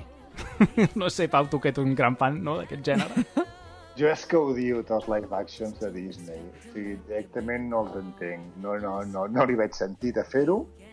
Uh, per mi, per qüestions personals, el pitjor i més innecessari sempre, de tota la vida, serà Aladdin. No el suporto. Que jo no l'he Però- vist encara. No, no, no ho facis, creu-me, no. Mira Bloodshot dos vegades. Si no, no, no. Però uh, és que aquest, a més a més, sembla fet amb poques ganes. Uh, perquè és que no ho sé, està més ben feta la versió, uh, si seria la live action també, del 101 Dàlmates de no sé fa quants anys uh, que va fer Disney, que aquesta. Uh, M'ha recordat pel·lícules d'aquestes senzilles, cutres, de Hotel para perros, on els gossos també parlen amb, un, amb uns efectes de, de, de, de sèrie B, Z. Uh, no, no ho sé, és que innecessari seria el mínim que, que li puc dir. No, realment el, el CGI és, és uh, terrible. Uh, aquí, com que no teníem pressupost per fer animals digitals, els animals són de veritat. I l'únic que mouen és la boca. Aleshores, el moviment de, el moviment de la boca, quan parlen, és uh, per arrencar-se els ulls. Vull dir, directament, eh? Jo, la veritat, l'únic interès que tenia, eh, i, i potser, no sé si diré que m'ha agradat, perquè tampoc tinc clar si, si m'ha agradat, és l'escena dels espaguetis, no? Perquè estàs esperant aquell moment, aquell moment clau, que és un moment bonic de la pel·lícula també, si tu vols, però al final no saps, dius, per què m'ha agradat? M'ha agradat per la nostàlgia que em provoca aquesta escena o realment pels mèrits que té mm, a la pròpia escena en si, no? que han contractat el- l'actor, el d'Amadeus, no? l'F. Murray Abraham, per Sí. fer que, Vull dir que, que, que, vaja, que han volgut, com a mínim, donar-li una certa entitat en aquella escena, no? Però és que els hi passa el mateix que uh, salvant les distàncies que amb el rei León. Tu no pots fer uh, animals realistes i que expressin emocions, perquè no, no ho fan. O, sigui, o deformes la cara, la fisonomia de l'animal, o no et transmetrà. I uh, el rei León, ai, el rei León, perdona, la dama i el vagabundo, per mi, ja amb dibuixos, eh, és una de les que, bueno, potser menys m'ha interessat de Disney, però té un moment preciós, com és aquest. És un moment que es pren tendresa, eh, és maco, és innocent, és romàntic. I aquí són dos gossos menjant-se una mandonguilla. No, no, és que no. Eh, no transmet res aquest moment, a mi, eh, com a mínim. Bueno, I- i, és- jo te, és que la, el punt nostàlgic te transmet, t'aboca clarament a la pel·lícula original. Clar, però a l'original... Sí, tu sí. Si no has vist l'original- Quin tros més maco. I veus aquí i dius... No, no, no. no I a part que vaig mirar-ho. Aquesta dura dues hores i l'original dura una hora i quart. Sí, sí. No, té... Potser era que massa. Peter Jackson amb el Hobbit, o sigui... no, no, no, no té perdó la durada d'aquesta pel·lícula, però a més es fa llarga, a més a més, eh? Jo... Sí, home. Bueno, no sé, no tinc gaire res més a dir, perquè és que és d'aquesta pel·lícula, Que sincerament. se, sense pena ni glòria, no? molt, Però no seria la, agradable el que dic. o sigui, Clar, jo ara, és, potser és de, en, jo quan era petita vaig veure els, els dibuixos animats, com molta gent que potser ens està escoltant. En aquella època hi havia molt de boom de, de Disney. Bàsicament, les pel·lícules de dibuixos eren totes Disney, amb tots els seus... Eh, pros i contres, eh? Perquè hi ha algú que s'ha dedicat a fer un assaig de si ens ha afectat, no? Com ara, si la, el confinament afectarà la, la mainada d'aquí 10 anys, si veurem seqüeles, no?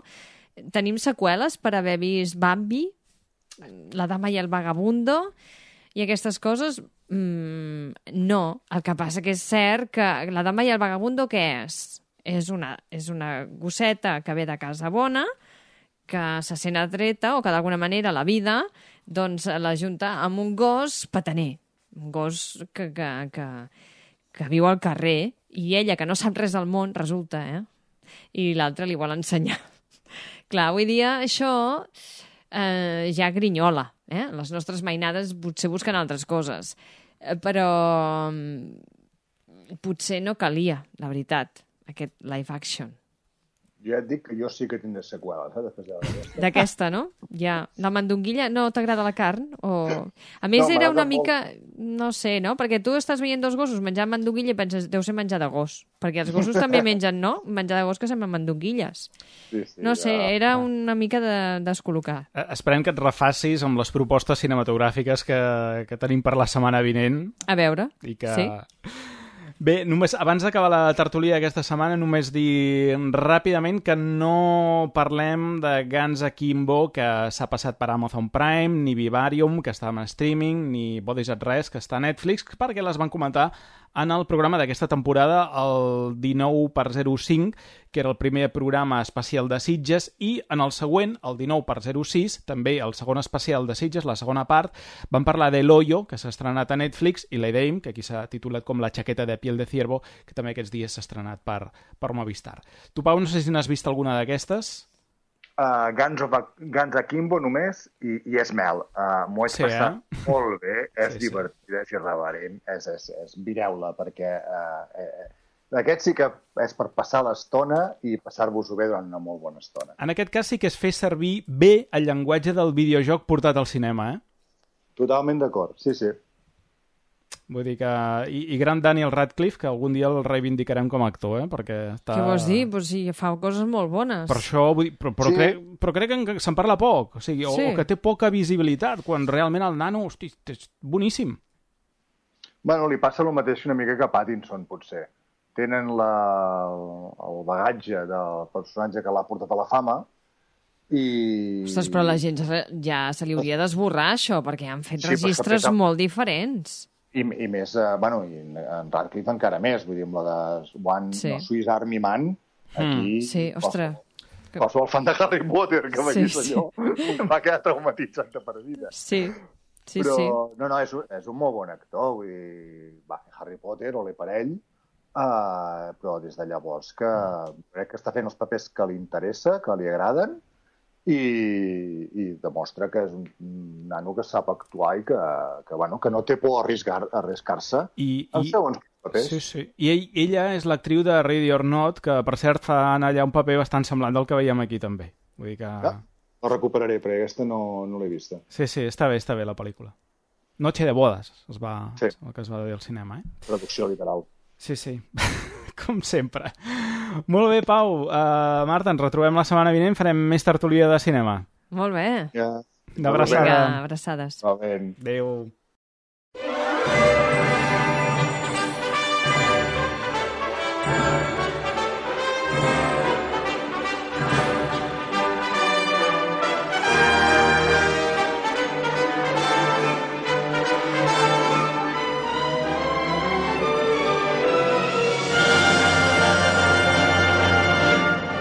I tornem un mes més amb el nostre espai amb en Francesc Morales, veníem d'American Horror Story i avui anem a un altre tema radicalment diferent. Francesc, què tal? Com estàs?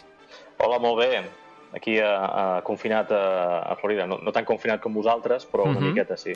Amb tu ja és normal això de gravar des de casa, eh? Per tant, el tema de les videoconferències i aquestes coses ja és habitual amb nosaltres.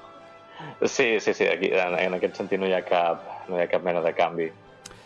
Molt bé, doncs que la salut ens acompanyi, Francesc, i, i anem a parlar. Avui ens n'anem a la Primera Guerra Mundial, un, un altre tipus de terror, poder, podríem dir, més un terror eh, real que no pas eh, imaginari o de fantasia, com acostumem a fer. Sí, la, la veritat és que, eh, com has dit, eh, sembla que hem fet un canvi radical amb el tema aquest d'American Horror Story Apocalypse, uh, però, però en realitat està bastant, bastant eh, relacionat. La, la, la, la coneguda com a Primera Guerra Mundial és, és la guerra que comença el 1914. Evidentment, diguem primera perquè després hi haurà una segona, no? però mm. la, la, la gent que està viva el 1915-1916, viva i lluitant-hi, no està dient coses del tipus, bueno, estem aquí a la Primera Guerra Mundial, simplement diuen que estan a la guerra o, o, o la Gran Guerra, que era també el concepte que, que s'acostumava a, a fer servir. I és un conflicte com no s'havia vist eh, fins llavors. Havíem tingut guerres terribles al segle XIX, que ja avisen una miqueta de, del nivell el nivell de, de, de víctimes com la guerra franco-prussiana o, la, o la guerra civil americana de la dècada del 1860, però la, el nivell de morts eh, i, i també d'impacte cultural que té la Gran Guerra no s'havia vist fins llavors. I en part l'impacte cultural que té és perquè coincideix amb, amb la difusió de la imatge eh, en moviment, encara no amb so, eh, el cinema encara és mut, però és la imatge en moviment la que acompanya eh, a, a aquest conflicte. Uh -huh. Molt bé, per on vols que comencem? Doncs mira, uh, una mica de repàs d'aquest impacte que, que, que es produeix uh, durant aquest conflicte del 1914 al, al 1918. Uh, a nivell cultural, eh, el nivell de víctimes és, és molt fàcil de, de, de repassar-lo. Sí. Va a Wikipedia i veu allà els 11 milions de morts, no sé quants milions més de, de, persones, uh, de persones ferides, però uh, el, el que ens interessa aquí sobretot és el nivell uh, d'impacte cultural que, que, va, que va suposar és el, és el moment en el que uh, el, cine, el cinema es fa servir més que mai com a arma de propaganda. Tenim pel·lícules de, de Charles Chaplin, uh, que a vegades les pagava ell mateix fins i tot, uh, que es fan durant el conflicte precisament per animar uh, a la població que està, no només la que està al front, però també la que està uh, a rereguarda. És el primer conflicte en el que de forma massiva es té en compte que hi ha una rereguarda civil que tu has d'ajudar uh, a tenir a ratlla, no? de que no, no, es, no es revolti. Uh, és un conflicte també que crea un, un impacte cultural. Una de les pel·lícules que, que, que són clàssiques en el món de la, de la Primera Guerra Mundial és aquesta que es titula Gallipoli, no sé si la teniu present, de l'any sí. 81, uh -huh. amb Mel Gibson, quan Mel Gibson començava. Sí, és... venia de, de Mad Max, no? I poca cosa sí. més. I jo crec que era el mateix any. Sí, no sé pot quina ser. va fer primer. Sí, sí. Jo diria que Mad Max va ser primer. Crec, però vaja, ja t'ho confirmaré. I poc després d'aquesta. Uh -huh. Doncs és la típica pel·lícula així, no és exactament coral, però és una pel·lícula en la que van uh, reunir a tots els actors australians i neozelandesos que van poder, un darrere l'altre, i, i, I per què? Perquè des del punt de vista australià i neozelandès, la Primera Guerra Mundial és el seu mite fundacional com a, com a nació. Uh, si un mira el, el nombre de víctimes que, que, que hi ha per nacions, diguéssim, a la, a la Primera Guerra Mundial, un pot veure que van morir uns 100.000 eh, neozelandesos. Si hi ha un conflicte europeu en el que moren 100.000 persones de Nova Zelanda, això ja et diu que eh, estem davant d'un conflicte a un nivell com, com, com mai s'havia vist fins ara. Un altre fenomen que, que la guerra, la Primera Guerra Mundial eh, produeix és aquesta idea de que la guerra és l'estat natural de les coses. Fins llavors, els conflictes eh, apareixien, eh, tu hi participaves o no, tampoc el servei militar obligatori pràcticament no existeix en lloc uh, fins a, la, a principis del segle XX uh, i per tant és, és un episodi de la teva vida que no, té, no, no, et, no et marca uh, la teva vida posterior i molt menys la teva vida uh, anterior. En canvi, amb la Primera Guerra Mundial i tot el que vindrà després, a la població se l'estimula perquè entengui que sempre viurà en un estat de guerra permanent. És a dir, el que estem veient Catalunya, Espanya, cada dia és mm. que estem lluitant contra una mica invisible, etc etc. Són uh, seqüeles, són herències de, d'aquesta forma d'entendre el, el conflicte. La dada per aclarir, a Mad Max és del 79, Gallipoli del 81, o sigui... Ah, del 81. Sí, sí, sí, Mad Max eh, va arribar abans. Va arribar abans. Doncs eh, aquest conflicte, eh, que ja es percep com una guerra total, com una guerra que, que més no s'acabarà mai, Eh, perquè la guerra acostumem a dir que s'acaba el 1918, però s'acaba perquè eh, l'imperi alemany col·lapsa.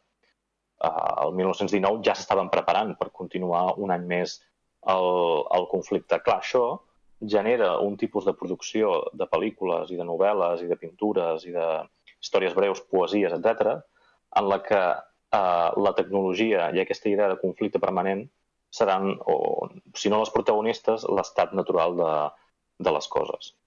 Uh -huh. I, I no sé, si vols, eh, puc repassar... He agrupat unes quantes pel·lícules per temes Sí. uh, per veure què, què et sembla.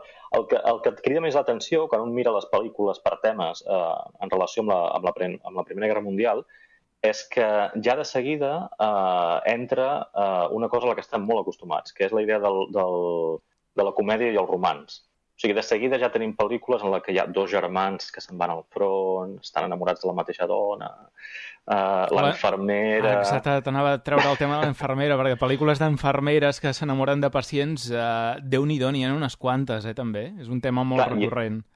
I és que això és així des del principi, ja amb, amb The Big Parade, que és l'any 25, és, és, uh, de fet és la primera pel·lícula que toca, uh, la primera pel·lícula en general que, del món del cinema que toca la, la, la visió o la perspectiva del soldat que no és un oficial, vaja. Uh, fins a aquell moment ja havien existit pel·lícules en les que uh, es recreava de forma realista la guerra, però els protagonistes solien ser generals, coronels, etc. Estan enamorats d'algú, evidentment. Uh, aquí per primera vegada ja tenim uh, soldats uh, rasos que són els que participen de, de, del conflicte. I clar, aquesta idea de, de comèdia i romans doncs, tindrà un èxit increïble. Uh, Adeu a les armes, de, basada en la novel·la de, de Hemingway, la, la pròpia La reina d'Àfrica, Mm. amb, amb, amb Humphrey Bogart i ara se m'ha oblidat el nom. Catherine Hepburn. Uh, uh, Catherine Hepburn és, és una més, de, de, ja és una pel·lícula dels anys 50, però el referent és la Primera Guerra Mundial, en la qual tu introdueixes elements de, de comèdia i romans. Per què eh, agrada tant la Primera Guerra Mundial amb el cinema post-Segona Guerra Mundial? Perquè Sí, la Primera Guerra eh? Mundial... Clar, que la Primera Guerra Mundial té un element que no té, eh, millor dit, la segona té un element que no té la primera, que és la, el concepte d'holocaust, genocidi, nazisme... Mm.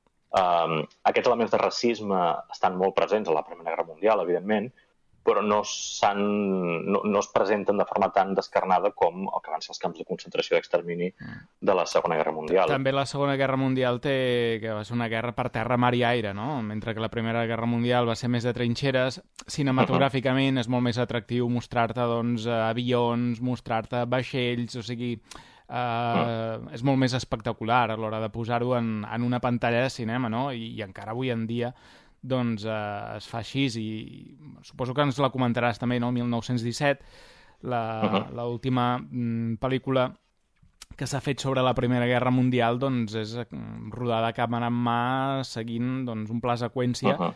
que sigui falsejat d'un soldat, no? És a dir, però clar, eh, tota aquesta espectacularitat que pot tenir doncs, eh, altres tipus de pel·lícules de la Segona Guerra Mundial no la tenen aquí. Fins i tot els científics, tenen, sí. els Mad Doctors i aquestes coses no? que, que, que experimenten el tema del nazisme dona molt eh, aquesta història doncs, de- d'experimentar i, i bueno, aquí tenim els Uh-huh. Indiana Jones i històries d'aquestes, no? Sí, per això crec que la, que la Primera Guerra Mundial encara dona joc perquè permet presentar uh, temes uh, superficials o, o temes frívols. No? 1917 mateix, per exemple, és, és un senyor que rescata un altre senyor. O sigui, és un, és un noi que rescata el seu germà, no? Uh, però és que això ja, The Big Parade, en part, és, és, és, una, és una cosa per l'estil, de, de tres amics, dos amics, cinc amics, quatre amics, que se separen i llavors, uh, o les famílies que se separen, uh, que són temes que ja existien en, en, en, en temàtica del segle XIX, es reprodueixen en la Primera Guerra Mundial. A la Segona Guerra Mundial sí que, sí que és veritat que s'afegeix aquest factor tecnològic uh, que permet fer produccions més, més espectaculars. Um, però per això no s'abandona la Primera Guerra Mundial i per això Mm. encara tenim pel·lícules de Primera Guerra Mundial perquè són més, uh, més com ho diria, més sensibles, uh, Sí. sensibleres per al Fins i, públic. fins i tot et diria una cosa, a vegades quan s'explota també l'steampunk eh, amb guerra sol fer barrejant amb Segona Guerra Mundial també, no? Mhm. Sí, i, i de fet ja no s'hauria de dir steampunk, es diu uh, Mm. dieselpunk, és el, Ja. és el concepte.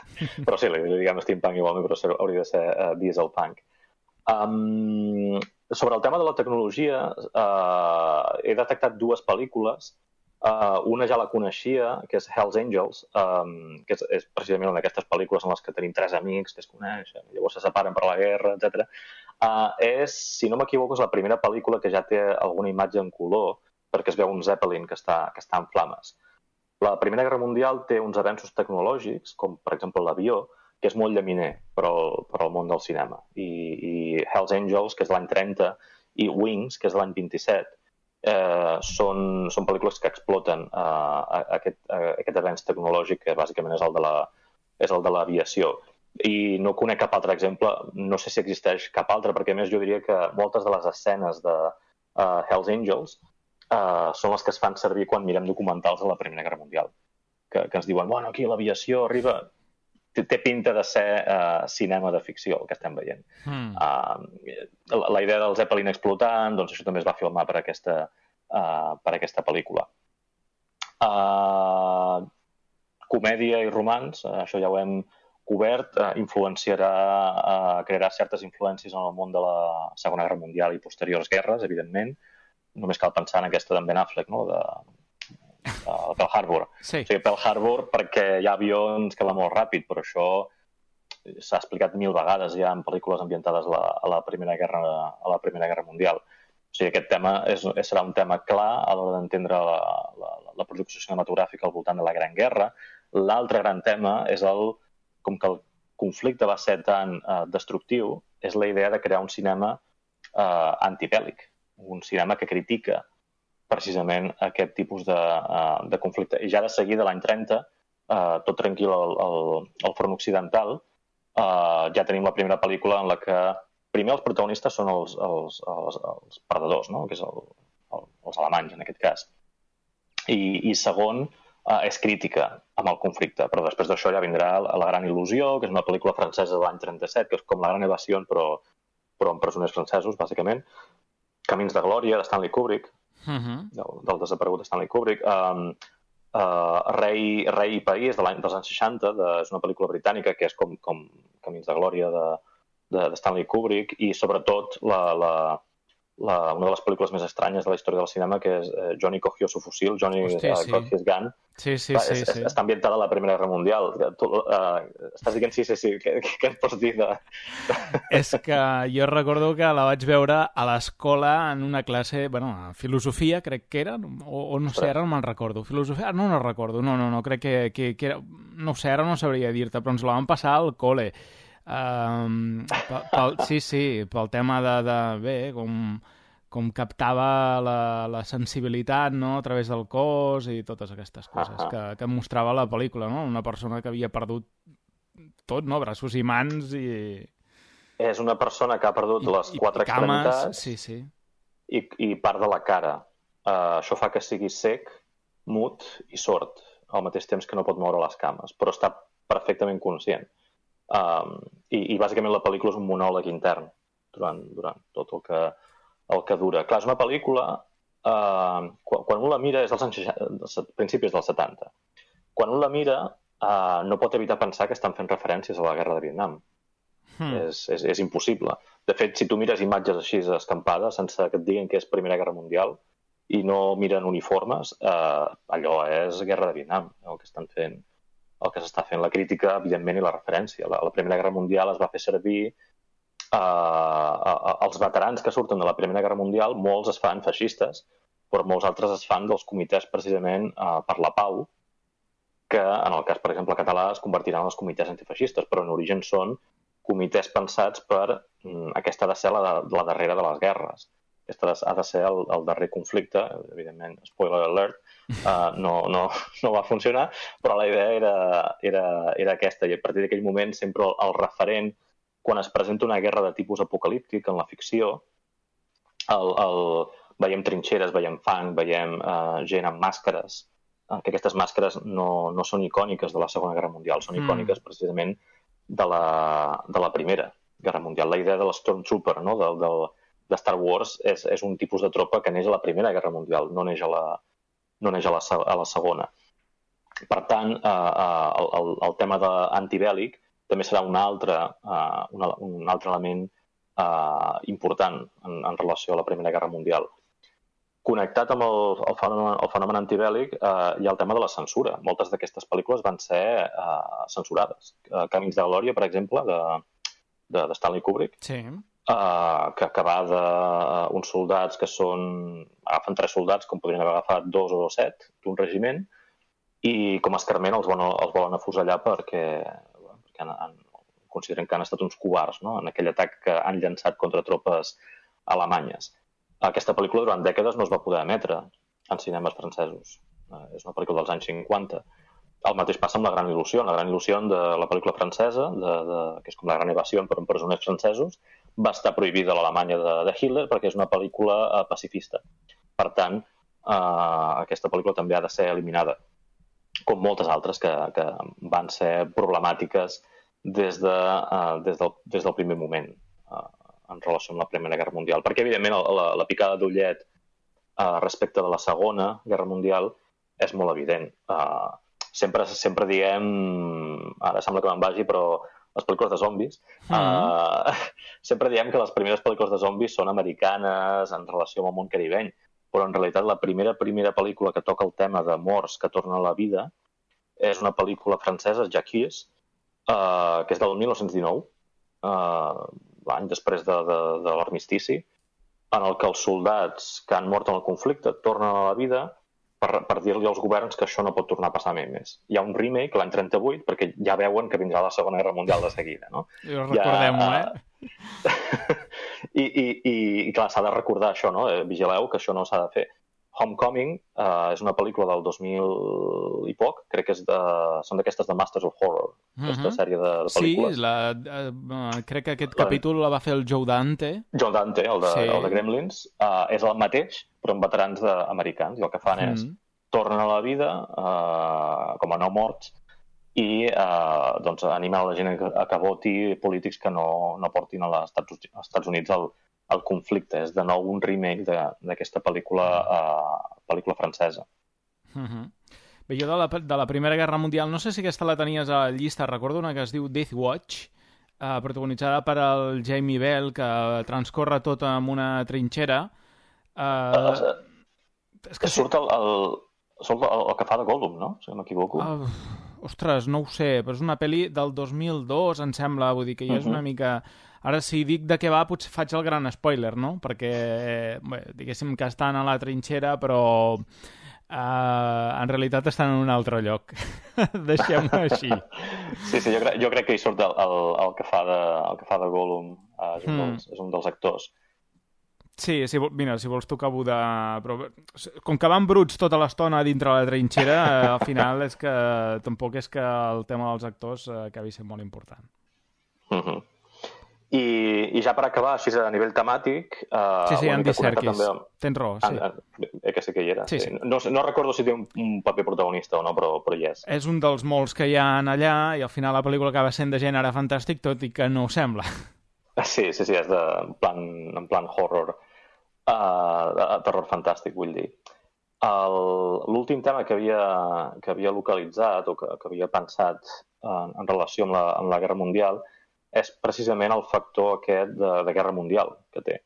Uh, moltes vegades oblidem que Lorenz d'Aràbia és, uh, és una pel·lícula ambientada a la, a la Gran Guerra. Uh -huh. El mateix passa amb la Reina d'Àfrica, que, que tot el conflicte passa a Àfrica. Si pensem en The Legend of Bagger, Bagger Vance, per exemple, amb, amb Will Smith i, i uh, Matt Damon, uh -huh. uh, ell és un veterà de la Primera Guerra Mundial. El mateix amb Leyendas de Passió, amb en Brad Pitt, que perd el seu germà a la, a la Primera Guerra Mundial, és a dir, eh, el, el conflicte afecta països eh, els quals, Àfrica, Turquia, Armènia, Estats Units, Japó, per exemple, Austràlia i Nova Zelanda, eh, amb Galípoli, són països que es veuran afectats d'una manera o altra per aquest conflicte que en origen eh, és europeu.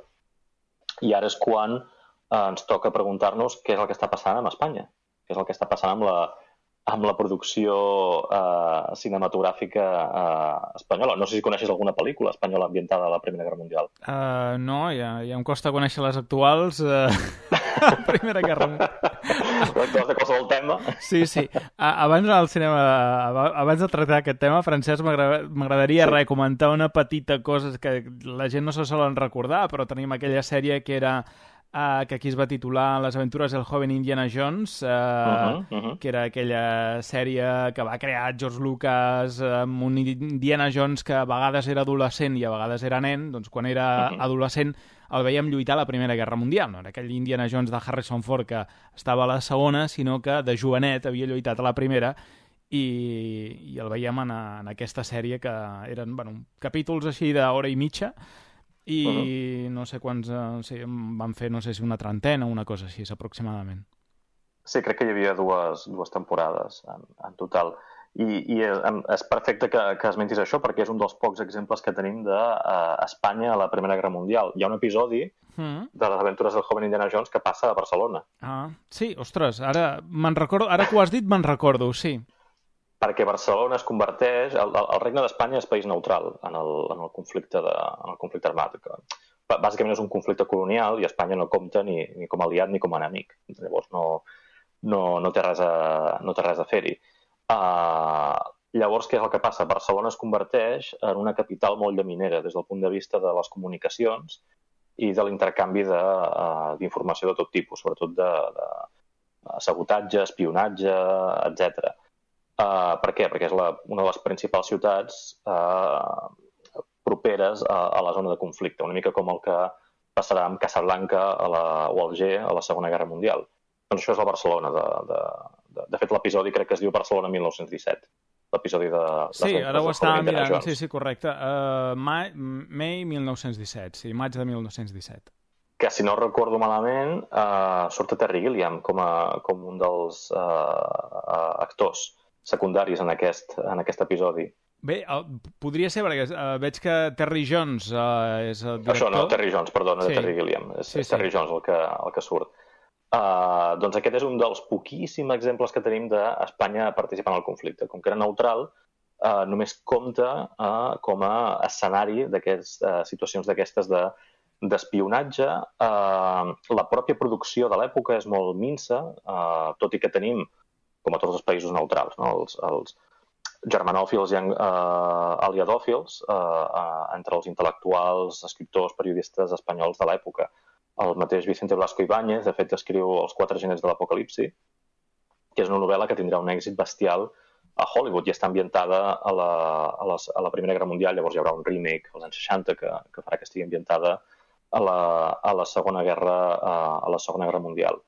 L'únic que he pogut trobar és una pel·lícula d'animació del 2006, 7, 8, uh, de Miquel Pujol, que és sobre un, un color missatger. En, mm -hmm. en Xerami i jo Uh, és és l'única pel·lícula que segurament existeix. Uh, pel·lícula filmada, diguéssim, en un sentit... Uh, perquè hi havia notícies i tota la pesca, no? Una sí, pel·lícula sí, sí, filmada de ficció, de, diguéssim, de... De ficció mm. o, de, o de, de producció per, per, per vendre. Mm -hmm. no? És, és l'únic exemple que, que, que he pogut trobar.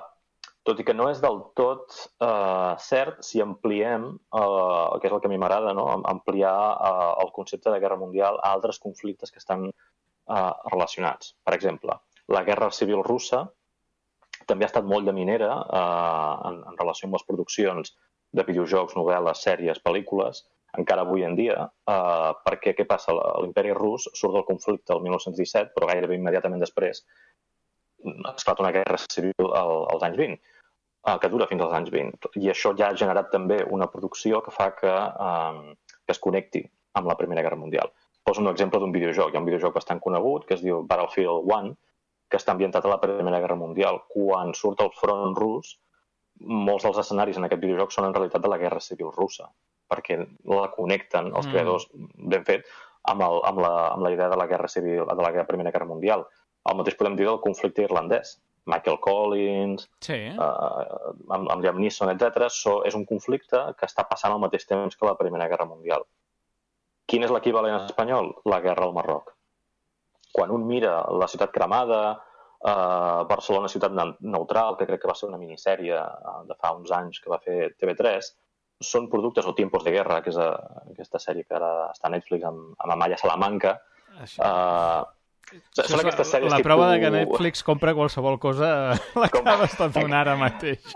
Són, són aquestes sèries tipus Amar en tiempos revueltos, no? És aquesta producció, producció espanyola que troba un filó en, en aquest conflicte pre-guerra civil.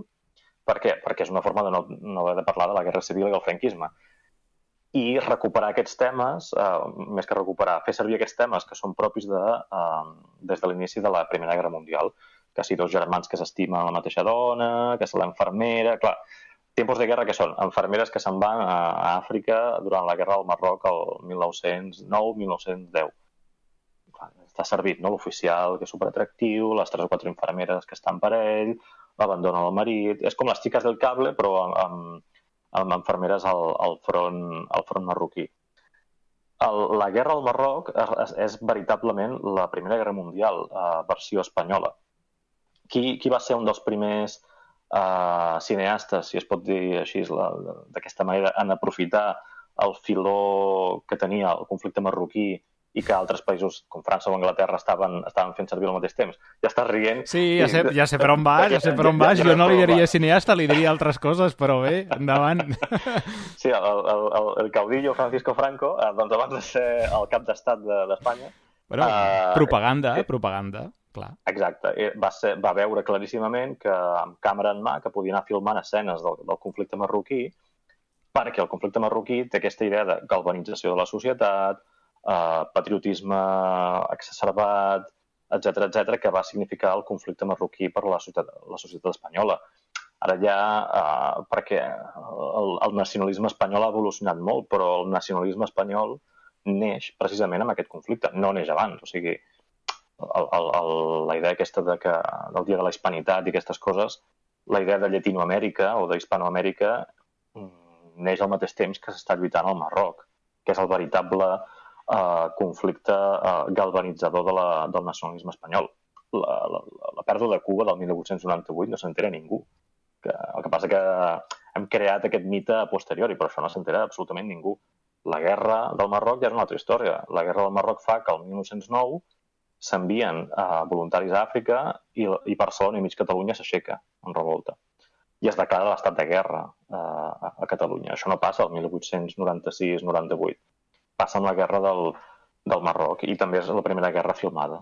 Uh, aquest és el gran uh, escenari de, de fílmic, de, de la idea de la legió, la idea de los últimos de no sé què, uh, que, que està vinculada amb el, amb el món de, i, i per suposat el, el feixisme, que naixerà els primers quadres militars feixistes neixen d'aquest conflicte marroquí-franco entre, entre ells. No sé si recordes la ciutat cremada, és que l'he esmentada i no sé si ha quedat sí, molt allunyada sí, ja sí. de, no, no. de l'imaginari. Segurament, bé, jo tinc que fer autèntics esforços, però mm, sí, és allò que recordes uh, llunyanament, però sí, sí. Sí, és, sí, és, és, és probablement la primera pel·lícula feta amb crowdfunding de, de, de la història. És una pel·li del 70 molt, uh, amb, amb, que és bàsicament la història de Barcelona de 1899-1909. No? I, i és altament recomanable perquè crec que es pot uh, trobar per YouTube uh, fàcilment. Sí, sí. És del 76, mm, concretament. 76, em pensava que era sí, més, una mica més moderna. Però... No, no. que clar, has, has, has anat molt enrere. Antoni Ribas, que jo el rec recordo més Antoni Ribas per haver-se fotut amb la cadira allà a la plaça de Sant Jaume durant no sé quants mesos. Eh, S'hi va tirar demanant diners per tirar endavant el seu últim projecte que no per la ciutat cremada, eh? Sí, sí. Ah, ostres, això, eh, aquesta part de la, de la seva història no, no la coneixia, això de Sant Jaume. sí, sí. Sí, va estar uns quants anys allà, no sé, ara me'n recordo que tenia una pel·lícula que havia quedat a, a mig fer i que li faltava pressupost i li van tancar l'aixeta des de la Generalitat i es va posar allà amb una cadira, tenda de campanya i Uh, crec que al final, ara no recordo exactament com va acabar la cosa, però sí, va estar molt de temps allà. Uh -huh. I, I bé, ja, per, uh, ja que has mandat el cas espanyol i tenint en compte els temps que, en els que estem vivint, un altre tipus de conflicte, si es pot dir d'aquesta manera, que, que està vinculat amb la Primera Guerra Mundial és la coneguda pandèmia de grip espanyola, que comença a afectar la població mundial precisament quan acaba el conflicte de la Primera Guerra Mundial uh, i d'aquí ve el seu nom. És, és, una, és una epidèmia de grip que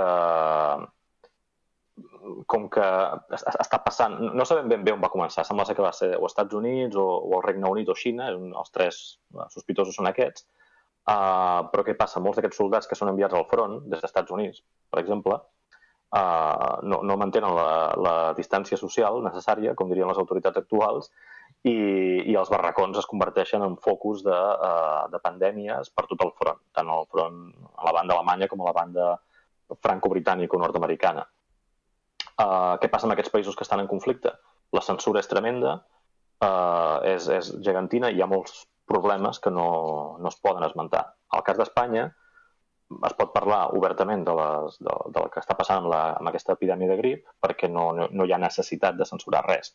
Això crea la imatge de que sembla que només estigui passant a Espanya la, la grip i d'aquí s'acabarà creant aquesta idea de grip espanyola, que és uh, una pandèmia que va afectar uns 500 milions de persones, les xifres van entre 50 i 100 milions de morts, uh, el que sem tal com arriba a setmana, uh, pel que sembla és que va matar tota la gent que era susceptible de ser um, diguéssim, d'acabar morta uh, per causa d'aquesta grip i per això va desaparèixer, perquè ja no tenia uh, llenya per alimentar-se, o sigui, es pot fer servir aquesta, aquesta uh, analogia.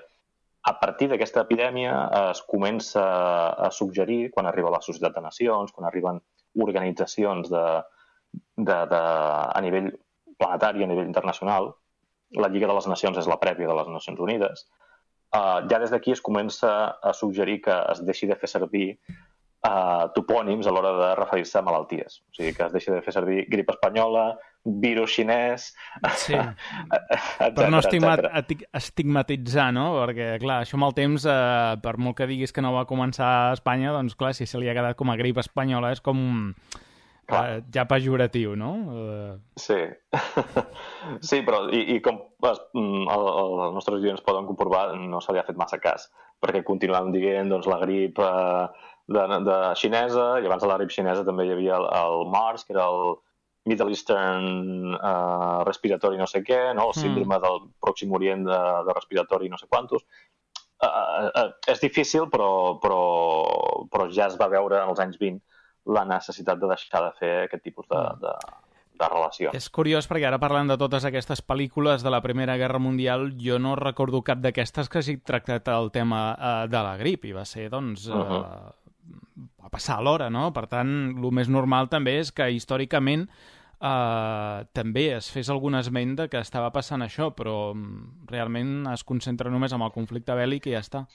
No, es, conflicte, es concentra en el conflicte bèl·lic eh, i en part és perquè ja durant el propi... Eh, eh, primer, pràcticament no hi ha referent. O sigui, la idea de que hi ha una, una pandèmia o el que sigui que pot acabar amb la humanitat és, des del punt de vista de la ficció, és un fenomen recent. De, de fet, un dels primers llibres és un llibre de Mary Shelley, The Last Man, que, que parla de que precisament és una epidèmia la que acaba amb la humanitat. Hmm. Uh, però és que no hi ha precedent. O sigui, eh, hi ha aquesta novel·la de Mary Shelley, que va ser prohibida, etc. Um, de fet, la, la còpia que es troba a Google Books és, és la còpia que circulava clandestina als Estats Units. Uh, I és una obra completament desconeguda, no només per al fenomen de Frankenstein, sinó perquè també es va fer desaparèixer, vaja. Doncs hi ha aquesta obra, una altra obra francesa, més o menys de la mateixa època, i, i a partir d'aquí és, molt, és molt inusual parlar de la idea de fi del món uh, ja sigui per invasió extraterrestre, uh, com tipus uh, Edge Wells, uh, Leopoldo Alas Clarín té, té un conte que es diu Cuento Futuro, on també es parla de la desaparició de la humanitat, però tot això són coses molt, molt esporàdiques. I, i a l'alçada de la Primera Guerra Mundial és quan es veu a totes, totes, que, ostres, això pot ser així. Però, clar, és que encara no hi ha bombes atòmiques. Uh mhm. -huh. No hi ha aquesta percepció de que realment pot ser la fi del món uh, tal com ho entenem, i això s'afegeix al fet que, que hi ha censura per coses com la, la pandèmia. Llavors és difícil trobar... Hi ha algun documental sobre el, el que va passar, però sí que no, és, no hi ha un protagonisme de la grip espanyola en, el, mm. en la producció de ficció. Es prefereix parlar d'enfermeres que s'enamoren de, de coronels de l'exèrcit. I, I avui no ens tens paròdies, eh? sempre tens la, la part de, de la paròdia de... perquè de la Segona Guerra Mundial sí que n'hi ha, sí que ha un munt, o que fan servir a vegades la comèdia per Uh, també fer crítica com el Jojo Rabbit, no? Uh, recentment, sí. Segona Guerra Mundial, sempre també dona. En canvi, a la Primera Guerra Mundial, així de paròdies tipus Aló, Aló o coses d'aquest tipus, tampoc en trobem, eh? Vull dir que aquí, aquí t'has quedat no, sense no. material, Francesc. Sí, sí, és veritat, no? La segona, la segona Guerra Mundial, precisament perquè és més dramàtica, uh, és la que, dona, la que dona més peu a això, no? A productes com Jojo Rabbit o les pel·lícules tant la Segona Guerra Mundial com les que hi ha immediatament després, no? Si un pensa en el, com es deia aquell actor francès, uh, Tati. Uh, Jacques Tati, sí. Sí, ell, ell, com moltes estan inventades a la guerra d'Algèria, no? Mm. O, o la guerra de Corea, que és la que està darrere de la sèrie aquesta de MASH, um, que no deixa de ser una continuació de la, segona, de la Segona Guerra Mundial en molts aspectes. Aquesta sí que donen més, més joc, però la Primera Guerra Mundial sí que és cert que és... és no és el Vietnam, trobar... MASH? Era el Vietnam, no? És, jo crec que és Guerra de Corea.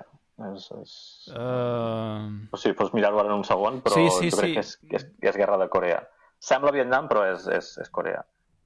És que demà vam tenir la, la pel·lícula... És que primer va ser pel·lícula, llavors sèrie, o al revés. Sí, va haver-hi primer pel·lícula de Robert Altman i llavors en van fer sèrie, però jo diria... Bueno, una sèrie que va durar 11 temporades, eh, que és quasi sí, res. és una de les grans sèries de la, de la història de la televisió, de fet. Ah, doncs sí, Guerra de Corea entre els 50 i 53, sí, sí. Doncs Sí. tu, endavant, Guerra de Corea, confirmat. Doncs clar, la, la, les guerres aquestes, ja les guerres, diguéssim, atòmiques, són les que creen el doctor Strangelove, uh, és, és que ja són molt absurdes, no? perquè es pot jugar amb aquesta idea de destrucció del món. La Primera Guerra Mundial, uh, ara mateix no hi caic en, en cap... Um, sí que hi tenim, uh, malgrat tot, les influències que ha generat el conflicte. Quan un pensa en les pel·lícules de, de ciència-ficció, no? de guerres en el futur o de guerres contra alienígenes, s'estableixen com dos models. Un és el model a l'hora de presentar un exèrcit, no? el, model, el model Primera Guerra Mundial, Primera Segona Guerra Mundial, i Vietnam, Vietnam mm. i posteriors. No? Quan un pensa en aliens, doncs que tenim marines com el Vietnam. Però quan un mira al Filo del Mañana, el Edge of Tomorrow de amb Tom Cruise, o Starship Troopers, el que veu és el referent de Primera Guerra Mundial, un munt de soldats que a cara descoberta surten a, a lluitar contra, contra el que faci falta. Mm. La mateixa, no sé si era hormigues o, o bitxos, no, ja no recordo quina de les dues, la d'en Woody Allen, vaja. Sí, Uh, en Woody Allen fent la veu d'una formiga. Ants, uh, sí. Ants. Doncs la, el referent és la Primera Guerra Mundial, és aquesta idea de tu ets part de la tropa, et donen un casc i vinga a lluitar per al teu, uh, per al teu país. Les paròdies, mm, si no són directes, sí que existeixen de forma indirecta en, en, tots, aquests, uh, en tots aquests productes, en la influència que han generat en la ficció així fantàstica de ciència-ficció, vaja. molt bé. Doncs amb això acabarem i Uh -huh. tot i que Mash estava ambientada a la Guerra de Corea, la crítica era per la Guerra del Vietnam. Ah, clar, clar. Sí, sí, sí és, és la diferència, no? Jo, jo recordava... Sí, sí, sí. Però... Clar, de la mateixa manera que, que Johnny cogió su fusil és la Primera Correcte. Guerra Mundial, però està parlant de Vietnam, al, al, al cap i a la fi. Sí, Clar, sí. Moltes d'aquestes pel·lícules que es fan sobre la Primera Guerra Mundial és per no parlar directament de la, de la Segona Guerra Mundial. Uh, perquè, per, o sigui, de forma indirecta s'està avisant de que la Segona Guerra Mundial no pot arribar. Per això tenim tants productes als anys 30. La, la majoria de les pel·lícules sobre la Primera Guerra Mundial es fan als anys 30, de fet. Mhm. Molt bé, Francesc, doncs molt interessant i les, el mes que ve més. El mes que ve més, si encara som aquí. Sí, home, esper... esperem que sí. Vinga, una abraçada. Vinga. Adéu. Adéu, adéu.